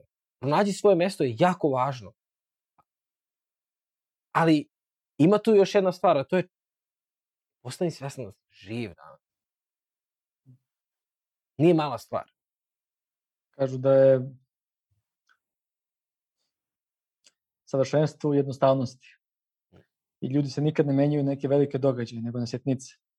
Na zelenoj salati, na, na peškiru, na ovim svim stvarima o kojima smo pričali, na crtežu nekom. Tu dolaze prave promene. Ti si mlad, opet dovoljno svestan da tražiš smisao i da si ga pronašao sa onim što radiš. To je tvoja ljubav. I uživaš u tome, to se vidi. Život bez smisla je patnje.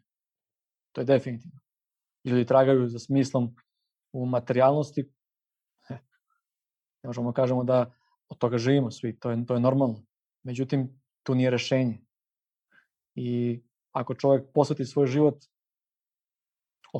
ostvarenju nekih ciljeva koji su mu na dohvat ruke, on ima problem. Mogu bi da dobije to na dohvat ruke i vidjeti da tu nema ništa. Ciljevi se ostvaruju tako što čovjek mora pogledati u sebe. To je zaista bitno. Da pogleda šta je to što on voli. Ja sam, mi smo pričali ti jednom, jednom podcastu da ako čovjek želi da bude uspešan, mora sluša svoje srce. To se ne odnosi kad je čovjek u ljubavi s nekim. I kad si u ljubavi, ne slušaj srce, slušaj razum, to je bolje. Međutim, kad si u poslu i kad si u potrazi za smislom, ti moraš da slušaš svoje srce. Ono šta je to što bi radio svaki dan i kad nema šta da radiš? Kad je dosadno? Šta bi radio najviše? Ja bih istraživao, ti bi snimao podcaste, neko bi radio nešto treće. I to su, to je smisao. To je, čovjek dobije jedan smisao i kaže, au, kako sam ja traćio moj život. Da. Neke besmislene stvari, razmišljajući ko je šta rekao, izgovorio, šta ću da uradim, šta neću. To nije bitno. Nešto je bitno. Bitno je da svaki dan svog života do kraja radiš nešto veliko za tebe. Što je drugima možda malo, neko će kaže pa on nije uspešan, ali ti si najuspešniji za tebe na svetu. Najuspešniji. Jer svaki dan živiš ono što živiš svoj smisao. Kad čovjek živi svoj smisao, nema patnje. I ključno u svemu tome je postati otporan. Izlaganje stresorima. Raznim stresorima. I ti stresori, ako se njima izlažemo svakodnevno, eto, stresor može da bude i, i ne. To je ozbiljan stresor. Kad čovjek nije naučio da kaže ne i sad kaže skupi hrabrost, snagu i sve i on kaže ne. Ne može više, dosta je. Koliko je trebalo energije da se akumulira u njemu, da, to verbalizuje kroz neki ton, kroz neki glas, da kaže ne. Drugi će kaže, vidi ga ovaj, vidi ga što, što je se zauzima za sebe. Ne zna koliko je bilo potrebno te energije koja je stagnirana godinama, ljudi su ga gurali, spuštali, on je sad rekao sve, rekao je ne. Evo ga, otključao je neki svoj mali kod koji je tamo zarobio ga nekom ćošku. Nikoga više ne vidi, čak ni, ni njegov, njegov sistem ga ne vidi više. On ga je otključao. I sledeći put kad mu se nešto ne bude dopadalo, ne. Sve postaje lakše i lakše. Sledeći put kad nešto bude želao, ja želim to. Okolina kaže, a to nije dobro. Hvala. Razumem vašu zabrinutost. Međutim, ja nešto drugo tražim. I čovjek sve stresuje, šta god, ta posmatranje tih ljudi koji su u konfliktu, za nekog je to stresor.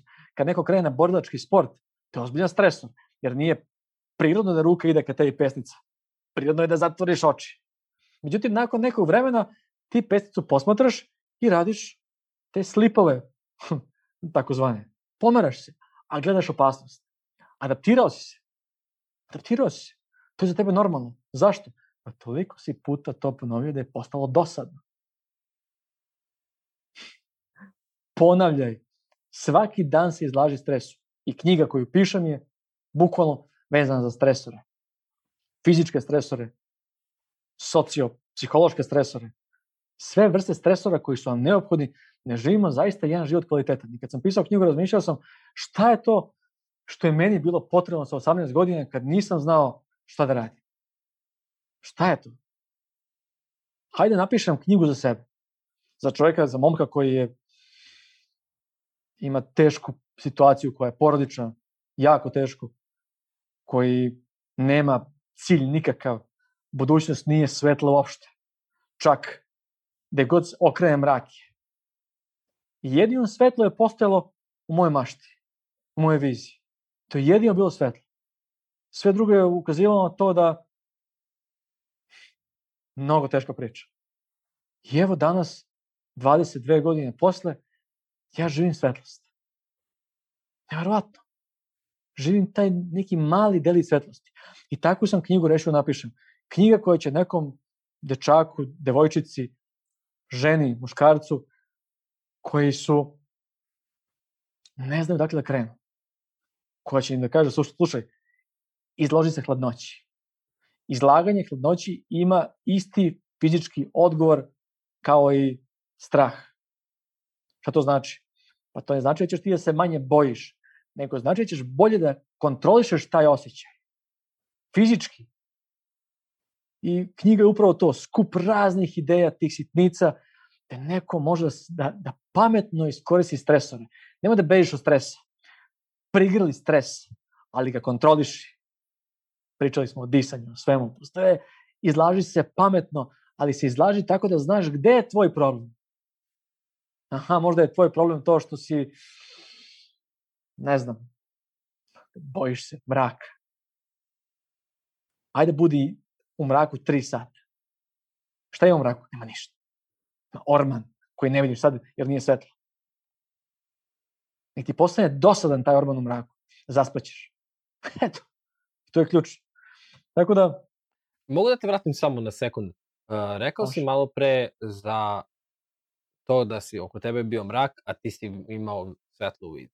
Mnogo je lakše kada je oko tebe mrak i kada sve što vidiš i svaka poruka koju dobijaš od bilo koga, od bilo čega, da, da ideš u, u negativnu stranu i da potvrđuješ sam sebi da je tvoj život katastrofa. Mm. Zašto misliš da si ti imao viziju u tom trenutku? To mi je jako zanimljivo.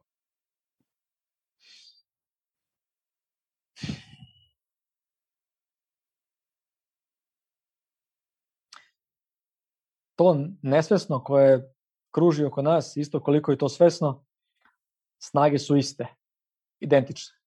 Pitanje je samo da li hoćeš da čuješ to kad sam bio mlad, od uvek sam želeo da pišem. Pisanje je bila moja najveća strast.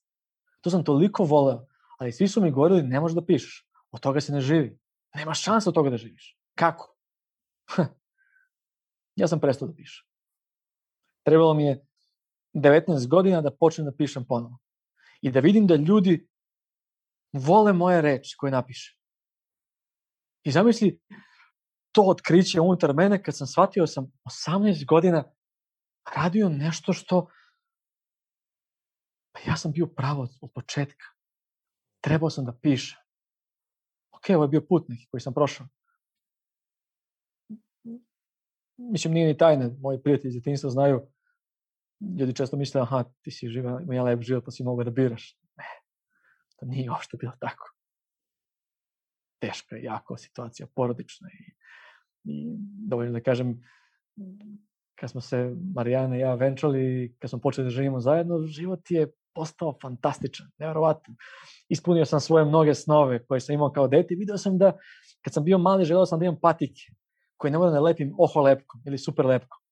Znači, to je nevjerovatno. Želeo sam da imam patiku koju ne moram, koja nakon, koja ne traje godinu dana i koju neće imati od super lepka onako detalje. Onda sam, kad sam zaradio prve pare u Americi, kupio sam, sam 15 pari patika Da mi bude kao wow, to je to. Detalji koji su toliko bitni, kad ih čovjek ostvari, kaže, pa da, ali, ovo, ali to nije to. Da, nije to. Zato što si ti trebao da radiš od starta nešto drugačije. Imaš jedan talent, veštinu. Svakom je Bog dao jednu veštinu. Bar jednu. Svakom. Nema niko ko nije dobio svoj talent. Ne postoji taj. Otkri ga.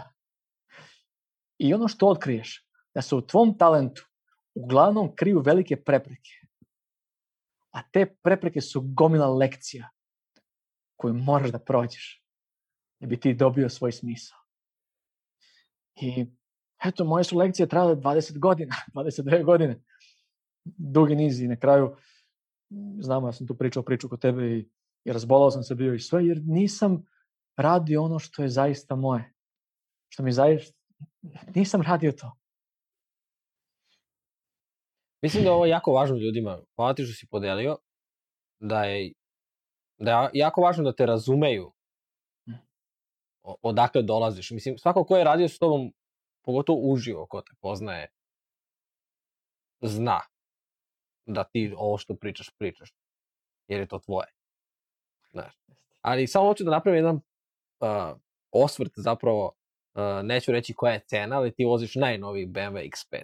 Ali mi reci, kakav je, koji ti je najbolji osjećaj bio kad, što se tiče kola, kada si uradio šta?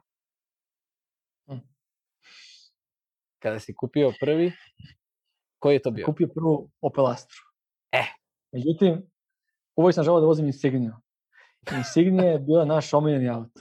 Ja danas ljudima kažem, pitaju me koji je najbolji auto koji se vozi, ja kažem Insignija. I čak i naš sin kaže, tata, nedostaje mi naš crni auto, naša Insignija. A, To svima nedostaje. To je nevjerojatno koliko je, koliko je to, koliko je to, uh, to materijalno. ali, ku- ali ti ja, mislim da smo šetali Adom kad si mi ispričao to. Da je taj samo osjećaj da si se izborio za sebe. Prvi, taj, taj prvi inicijalni da kažeš, e, to, to sam uradio. Sve ostalo posle toga je, to je, me- meni je, recimo, mi smo sad došli na 50.000 pre neki dan ovde na YouTube-u. Uh, I ja pričam sa tatom i on mi čestita, tata i ma, ma- mama i tata su mi potpuno uključeni u celu, celu ovu priču. I kažem, pitam me kako se osjećaš kao svaka ti čast. Kažem, već sam video ovih 50.000 u glavi, ali sada kad razmišljam, kada smo došli na 10.000, 10.000 je meni bilo, to, to je meni bilo potpuno ludilo, 10.000 ljudi prati nešto što ti radiš. Znaš kao, sve posle toga je, i setio sam se tvoje priče za, za, za Opel i za najnoviji BMW i kao je, da, a, ja, mi materijalno je. dolazi kao posledica neke ljubavi. Materijalno nije bitno. Mislim, nije bitno. Značajno je da živimo sa njima, toga živimo i, i moramo da se trudimo da zaradimo svoju porodicu za sebe i, i tako dalje. I čovjek mora praviti te male ciljeve. Napravi ga, radi ga tri godine, vidi, vidit ćeš desi. Ali Mm. ono što je zaista bitno, da ne postoji ta sreća i zadovoljstvo kad ti kupiš novu kuću, novi auto, novi stan, da, ti si na sebe ponosan. Ali ne postoji bolji osjećaj nego kada napišeš neku rečenicu i neko ti kaže o rečenica mi promenila život. Od uvek sam želeo da pišem. Od uvek. I to je to je toliko bitno. To je toliko značajno što se to dog- događa sada. I, I vidim, imam novu viziju, naravno, kao i uvek. I ona je opet vezana za pisanje. I najbolja stvar koju sam ja učinio u ovom životu je što sam uspeo da moju ženu prevarim da suda za mene. To je, to je moj najveći uspeh. Ni danas ne znam kako sam to uspeo. Šta sam radio, ne znam, stvarno ne znam. Ne, nešto mi je pomoglo. Jer ta žena mi je donela u životu stabilnost. Donela mi je dom. Donela mi je porodicu, da mogu negde da se vratim, da kažem, ja, evo kući sam. Nije bitno gde smo bili, u Mađarskoj, u Slovačkoj, u Francuskoj, u, u Izraelu, u Grčkoj. Te god sam bio, kad vidim nju, da sam znao to je kuća. I došli su deca. Ta količina ljubavi, te bezuslovne. I kad nekom želiš da daješ, a ne želiš ništa za uzvrat. Ne samo da, samo da daješ. I onda shvatiš u tom trenutku da je daješ previše i da njima neće biti dobro. Da oni nemaju istepane patike. Da oni nemaju svoj san. Da nemaju svoju viziju. Čekaj. Ja neću to za njih. Ja hoću da oni imaju svoj san. Da imaju svoju, svoju viziju. I ovo su životni, život, smisao života. Nije u kupovini najboljeg sata, najboljeg auta ili ok, ako možete, kupite, zašto ne? Bolje se, lakše se voziti u boljem automobilu, bezbednije, sigurnije nego... Ali nemoj da to bude težnja. To nije težnja. Ne, to nije uopšte bitno. Bitne su ove sitnice. Šta vas pokreće? Koji je vaš talent? Aha, moj talent je crtanje. Crtaj. Od toga se ne živi. Od toga se živi. Mm. Od toga se i tekako živi. Živi se mnogo od toga. Fantastično će ti biti u životu. Radi još neki posao i crtaj svaki dan. Ja ću kažem ljudima, ja sam promenio u životu preko 30 poslova. Bukvalno. Od rada u fabrikama, u plastike, gume, e, rad, radnika obezbeđenja. Na kraju sam došao u sport. Sport mi je dao lepotu života i svega i tako dalje. I onda je došlo ovo drugo. Gde sam počeo da slušam ono što sam znao da treba da radim pre 18 godina. I naslov prve knjige koju sam tad počeo da pišem, Blago staklenih planina, rekao sam završit ću. I to je dalje naslov moje knjige koju ću završiti u jednom trenutku svog života, naravno. Ali čovjek tome treba teži. To su njegove težnje, to su njegove, njegovi najveći motivi koje on ima. Nije motiv da, da zaradi, da kupi. Ne, to je, to je praznoća, to je praznina, to je, to je bunar taj taman, to nije svetlo na vrhu brega. Nema šanse. I ako bi svaki mladi čovek zaboravio sve svoje ideale vezane za da nešto mora da kupi, da uradi i sve, svu svoju energiju usporio ka onome što zaista voli. Ako ne zna šta voli, super, neka otkrije. Neka svaki dan proba nešto drugo narednih godinu dana. Svaki dan, mi smo imali na kanalu akciju kad sam uradio nešto po prvi put. Ljudi skaču iz aviona, rade ovo, rade. Šta se dogodi? Oni dalje to nastave da rade. To nije bila samo neka akcija marketiška nego sam zaista imao želju da ljudima pokažem kako je to raditi nešto u prvi put i toliko toga probati i najđe ono nešto. I ti kažeš, pa ja ovo hoću da radim svaki dan. Jer svaki dan je kao prvi put. I to je ključno. Eto, mislim da je to. Otiš samo šarinom previše, da. Ne, ne, ovo je baš dobro. Ja samo imam par nekih stvari gde, gde moram da te vratim prosto. Želim da pričamo o tome. Uh, rekao si u jednom trenutku da kada pronađeš smisao, da nema više patnje. Ali meni je nekako, ja, ja mislim da možda patnja nije reč, mm, ali bit će poteškoća, ajde da tako kažem, da, da ublažim malo to. Ja mislim da je nekako ta iluzija postoji da kad radiš ono što voliš, da sve ide lako i da sve ide glatko. I sada, evo, neću uzimati nijedan drugi primjer osim tvoje i moje organizacije za ovaj podcast. Tri nedelje se dogovaram ispadne jedan problem, drugi problem, treći problem.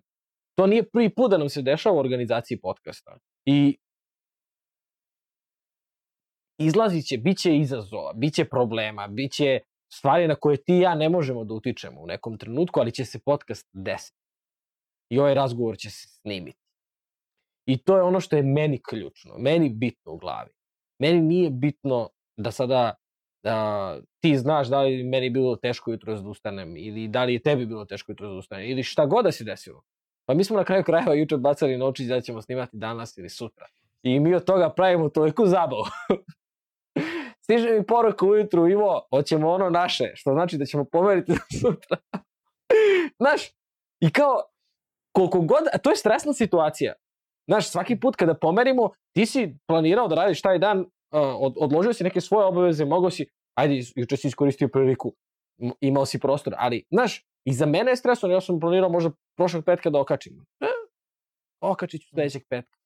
Znači, bit će poteškoća, bit će izazova, bit će stvari na koje ne, ne moraš da se pomiriš sa tim da su se te stvari desile. Ali ono što je bitno je da fokus bude na kvalitetu, da fokus bude na ono zašto ti to radiš. Meni je to najvažnija stvar, zašto ja ovo radim u Bibliji, u Bibliji postoji jedan stih, kaže šta će mi nezadobljen ceo svet ako izgubim svoju dušu. Mm. I upravo je to. Život bez smisla je patnja svakodnevna. Život sa smislom nije patnja. Ti imaš poteškoće. Te poteškoće su lekcije. strpljenje, razumevanje, podrška, empatija. To su lekcije koje dobiješ. Jer ti ako si pronašao svoj smisao, da bi ga ti do kraja ostvario, ti moraš da prođeš njegov sadržaj u lekcijama koje ti sleduju. Sad si ti strpljiv, to je u redu. Međutim, sigurno postoji još neka lekcija koju možda naučiš. Možda je to lekcija, ono koje je rekao Seneka, nemoj da želiš previše. Nego ono što imaš, ostavi to, neka to bude tvoje i daj 100% sebe u tome što imaš. Možda je to neka lekcija. Šta god. I uvek moramo da gledamo koja je sledeća lekcija koju mogu da prođem. Koji je viši cilj koji ja radim? Šta je, šta je viši cilj? Ako čovjek teži ka višem cilju, radi svakodnevno, pokušava da bude bolji čovjek svakog dana, moram da kažem, kad sam bio mladić, ja sam molio Bogu za dve stvari. Jedna je bila da živim od sporta, a druga je da budem svaki dan bolji čovjek. Ne znam zašto sam, zbog čega je ta bila molitva, ali danas pa razumem. Opet je bila neka potreba da postanem bolji, da postanem ispravniji. Jer to je suština. Da ne radiš ništa da nekom drugom uradiš nešto nažao učiniš. Evo ga, još jedna blokada. Da slažeš. I još jedna blokada. Govori istinu. Hm, super. Istina oslobađa. Laž blokira. To znamo svi. Ako istina oslobađa, laž mora da blokira. Blokira sve sisteme koji se nalaze u nama. I zato smatram da život bez smisla je težak, zato što čovjek misli da je to smisao, on ga pronađe i vidi da to nije. Šta sad? Aha, smisao je novi automobil, kupi ga, nije. Šta sad? Smisao je to, aj, šta sad? Zbog toga ljudi koji su, ajde da kažem, u okrutnom biznisu i bogati plaču.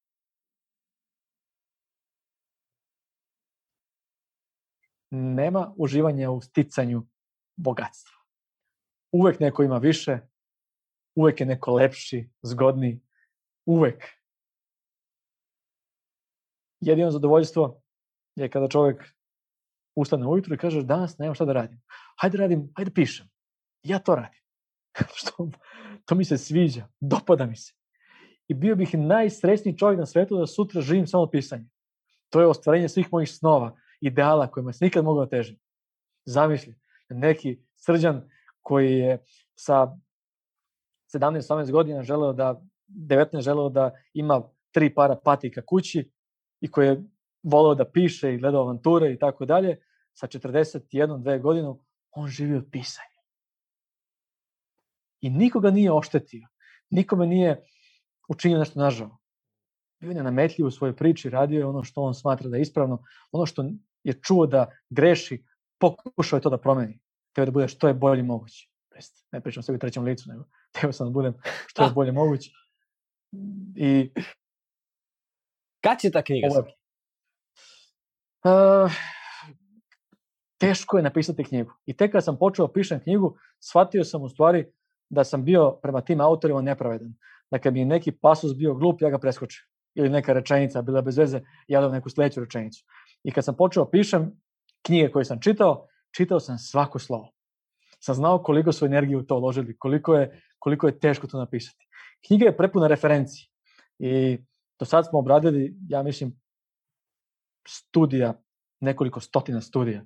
Jer svaka reč koju pišemo o hladnoći, o toploti, o, da ne otkrivam druge stresore koje smo otkrivali, mora postoji nekoliko istraživanja koje potvrđuju tu temu. Teo sam da dam jednu dobro istraženu knjigu ljudima da kada otvore stranu kao neku malu enciklopediju, da imaju to za sebe, za svoje porodice, da se pohlanja drugima, da ljudi vide u stvari da rešenje se ne nalazi u, u, u tamo nečemu, nego nalazi se u izlaganju neprijatnosti.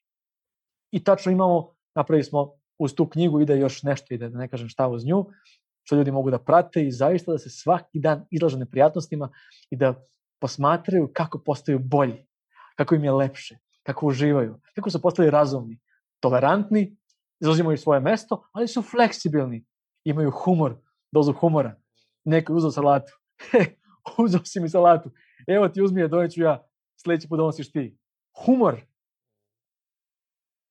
I nadam se da ću uspeti da sklopim sve do kraja godine i onda ide onaj čitav proces Ne znam koliko to traje, ti to bolje znaš. Trajeće. Sledeće godine, da, sledeće godine bi ona trebala da ugleda svetlo dana. Premijerno pričamo ovde o, o, o tome. Spremno. Yes. Ove, ako se poklope sve kockice, naravno. Neću sad ovde da te kao obavežem, znaš, kao javno. Nije okej, okay, drugari smo, pa neću, znaš, kao da. Ovaj, ali baš se radujem. Toliko smo i pričali o knjizi i ovaj, te, te ideje, o, osjećam da si samo rekao 10%, ma ni 10% od svega što se tu sprema i krčka, tako da, ovaj, da, da baš se radujem tome. Umeđu vremenu nastao je blog, to je oživalo, tekstovi su tu, audio, format, kako to funkcioniše, ostavio sam linkove sve ispod. Želeo sam da Instagram je bio neko mesto da sam, sam pisao mnoge stvari.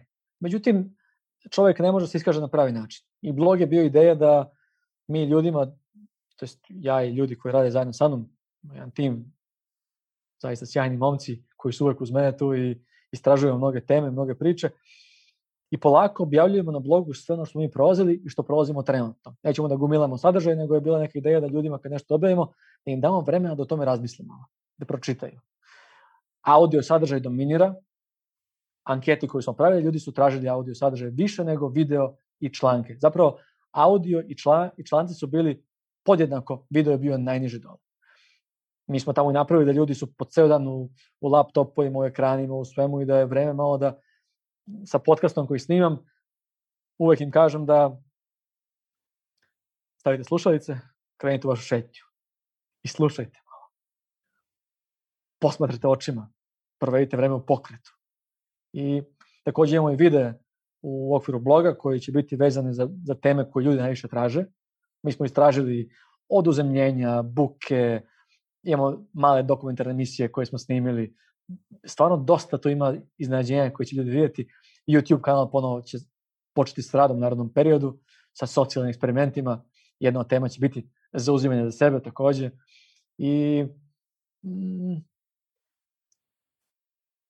želim da na tom blogu ljudima dam jedno, jednu stvar koja je, koja je zaista značajna.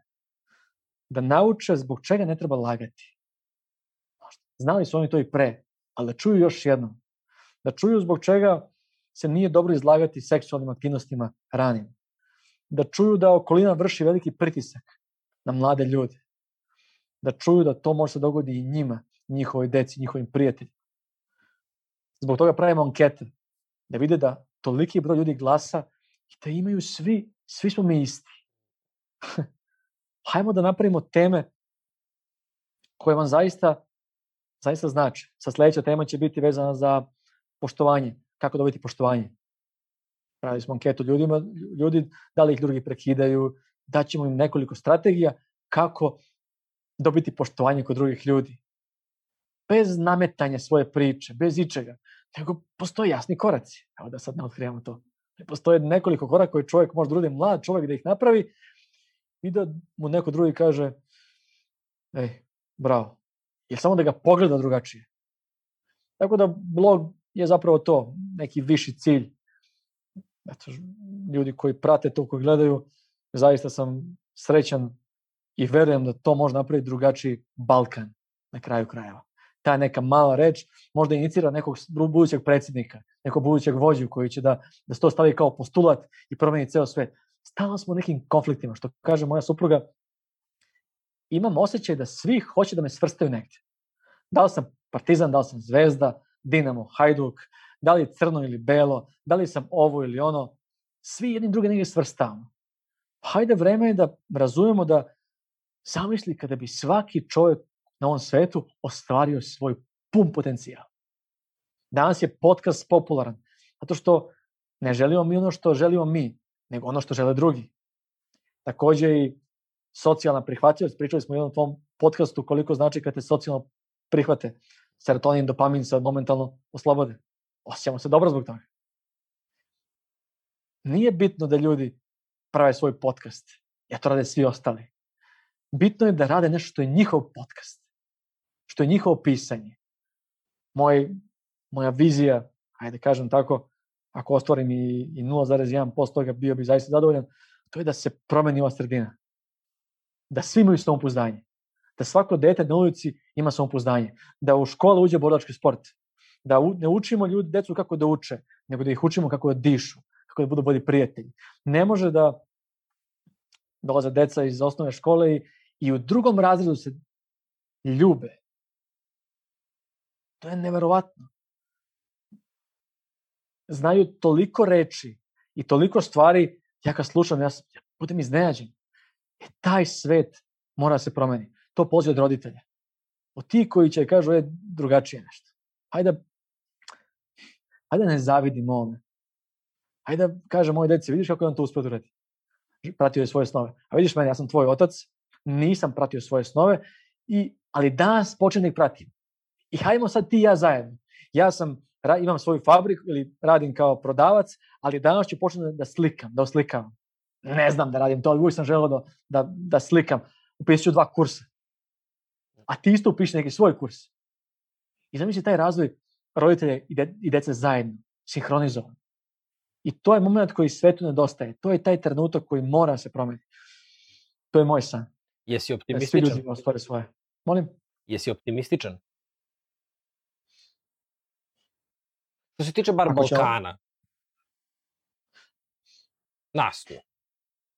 Mislim da mnogi ljudi znaju da treba nešto da promene, ali ne žele da uđu u to. Jer je okolina previše zavodljiva. I preteško je da se izbore sa okolinom. Preteško je da odbiju taj dobar posao koji ih unesrećuje. Jer im donosi nešto, nešto drugačije. Mi dajemo vreme našeg života da bismo zaradili da potrošimo ostalo vreme našeg života. To je, to je nevjerovatno. Totalno absurdno. To kaže jedan, evo, radio sam u fabrici dnevno 8 sati, a sad kada imam svoj posao, radim dnevno 15 sati. Da. Evo, ti znaš kad imaš svoj, svoju priču, ti radiš dnevno 15 sati. Ja isto ustajem ujutru rano jako i pa celo radim. Mi nemamo radno vreme, nego radimo, koliko radimo? 12-14 sati na dan radim. Svaki tekst koji napišemo, mi ga istražimo, 5 dana ga istražujemo idemo, ankete, čitamo, proveravamo, putujemo. I, ne, I onda sam video to kod sebe, da sam preskakao redove kod ljudi koji pišu nešto. I tad sam zaključio, čoveč, ako ja ne poštujem ove ljude, koji ovo su toliko energiju uložili. Kako će tebe neko da... Tako je. Da, ja sam počeo da čitam bukvalno sve, svaki detalj. Tako da mislim da, da ljudi mogu da se promene, definitivno, da prvo prvi korak je da prihvatimo kritiku i da u kritici vidimo šansu za unapređenje. Drugi korak je da, ako smo mi oni koji kritikuju, da ljude koje želimo da iskritikujemo, da im lično kažemo koja je naša kritika njima upućena. Nego da pričamo svetu. Zašto mi pričamo svetu naše stavove? To nije o toj osobi. To je o tebi. Ti tu osobu ne poznaješ o kojoj pričaš da si seo sa njom deset puta negde i da si porazgovarao, video bi da toliko sam imao predrasuda o drugim ljudima kada sam bio mlađi, onda kada sam sa njima sedao i pričao, video sam da su to divni ljudi. Zaista, tako je. I to su prvi koraci. Ako dobiješ kritiku, prihvati je, to je šansa da napreduješ. Ako daješ kritiku, uputi je lično nekoj osobi ili vidi zbog čega je upućuješ. Šta tebe to kod te osobe toliko iritira da ti nju moraš da kritikuješ? Ako je poznaš ili ako je ne poznaš. Sad ima ljudi koji to ne žele da urade. Postoje, naravno, sociopsihološki uzroci i sad ne pričamo o tim stanjima i tako dalje fazama, ali oni koji su razumni, koji su svesni, oni će da pokrenu svet. Sad stoji tamo neki Petar ili Magdalena ili Jovana koji gledaju i slušaju ovo i koji reče da daju tri godine svog života u neki cilj. Da rade to svaki dan. I nakon tri godine vide dok su stigli. Možda nakon tri godine promene ceo svet. Upravo zbog ovih reči koje sada ti i ja pričamo. Sve pove, ja verujem u tu povezanost.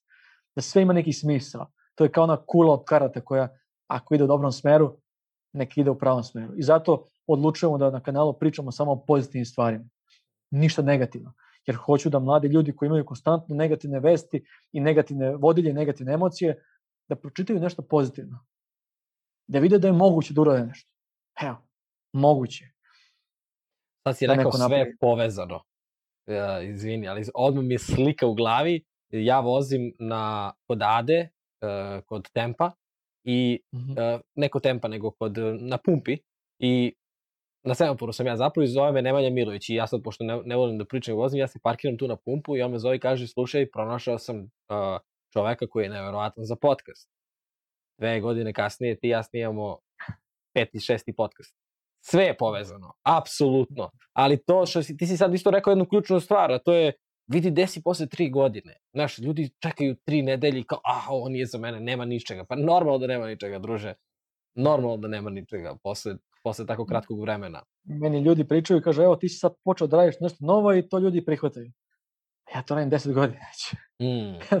Da. Prvo tragam za sobom i anksioznost, panika i, i jedan momak, ajde, sad smo i, i dobri prijatelji koji mi je rekao, ej, nije to anksioznost baš tako, ljudi što pričaju, znaš, ja kažem samo malo, izvini, moram ti kažem da sam ja tu dobar sagovornik.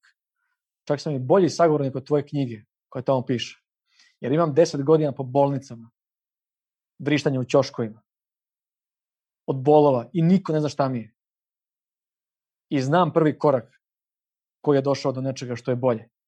I ne samo da, da znam, nego sam video kod mnogih ljudi da su mi rekli istu stvar, da znaju koji je prvi korak. Zato je ključno da da razumemo zapravo gde vodi. Zaboravio sam što, o čemu sam teo ti pričam, ali teo sam da ovo kažem koliko je, koliko je bitno i koliko je značajno da i ovi koji se bave nekom kliničkom praksom razumeju da onaj koji prolazi neko stanje da je on meni je toliko toga evo znam, tražio sam, tragao sam i, i od anksioznosti napada panike koji koji nisu danas pričaju svi rešenje za anksioznost. Pa nemojte ljudi da govorite to. To nije nije meditacija rešenje za anksioznost. To nije rešenje za napade panike.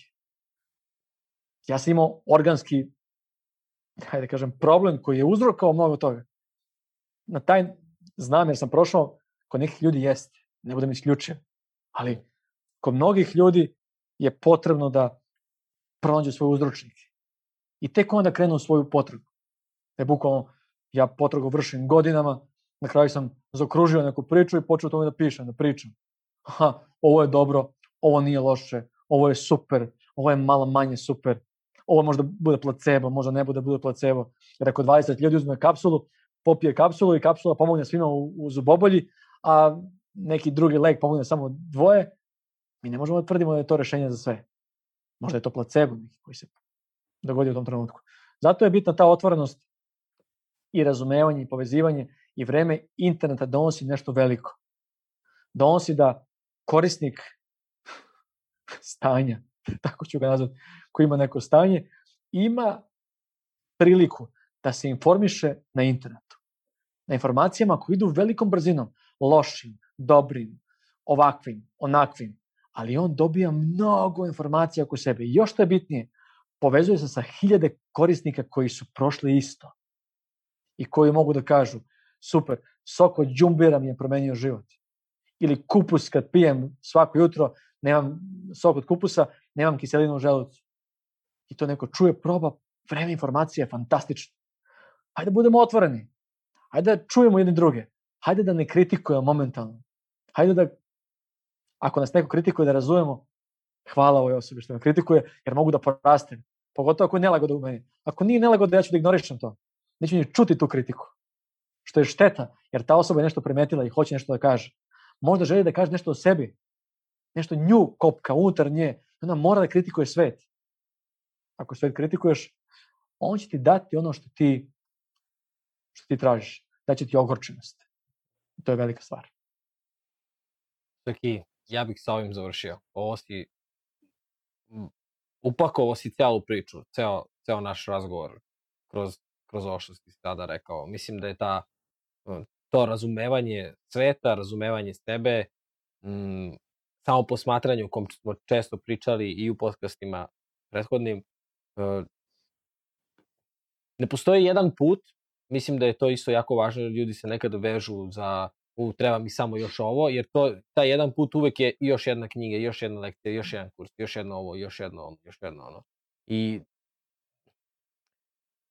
prati svoje srce, prati svoje osjećaje i sve ono što si pričao, mislim da je, kada se, prosto mora da se upakuje kao celina, jer postoji mnogo, mnogo, mnogo faktora u, u svemu tome. Uh, ali da ne otvaram sada ponovo neku novu priču. Ah, nađi svoj talent i napravi od njega veštinu. Hmm. To će, nemoj da ga tek tako uzmeš olako. Dobio si nešto veliko i ti si ga uzeo olako i misliš da je to tek tako. Razvijaj ga, neguj ga. Napravi od njega zaista ono što si dobio autentično. Improvizacija je sjajna stvar kad poznaješ osnove nečega. Ako improvizuješ bez osnova, to je kula od karata. To je nepostojano. Eto, neka bude to.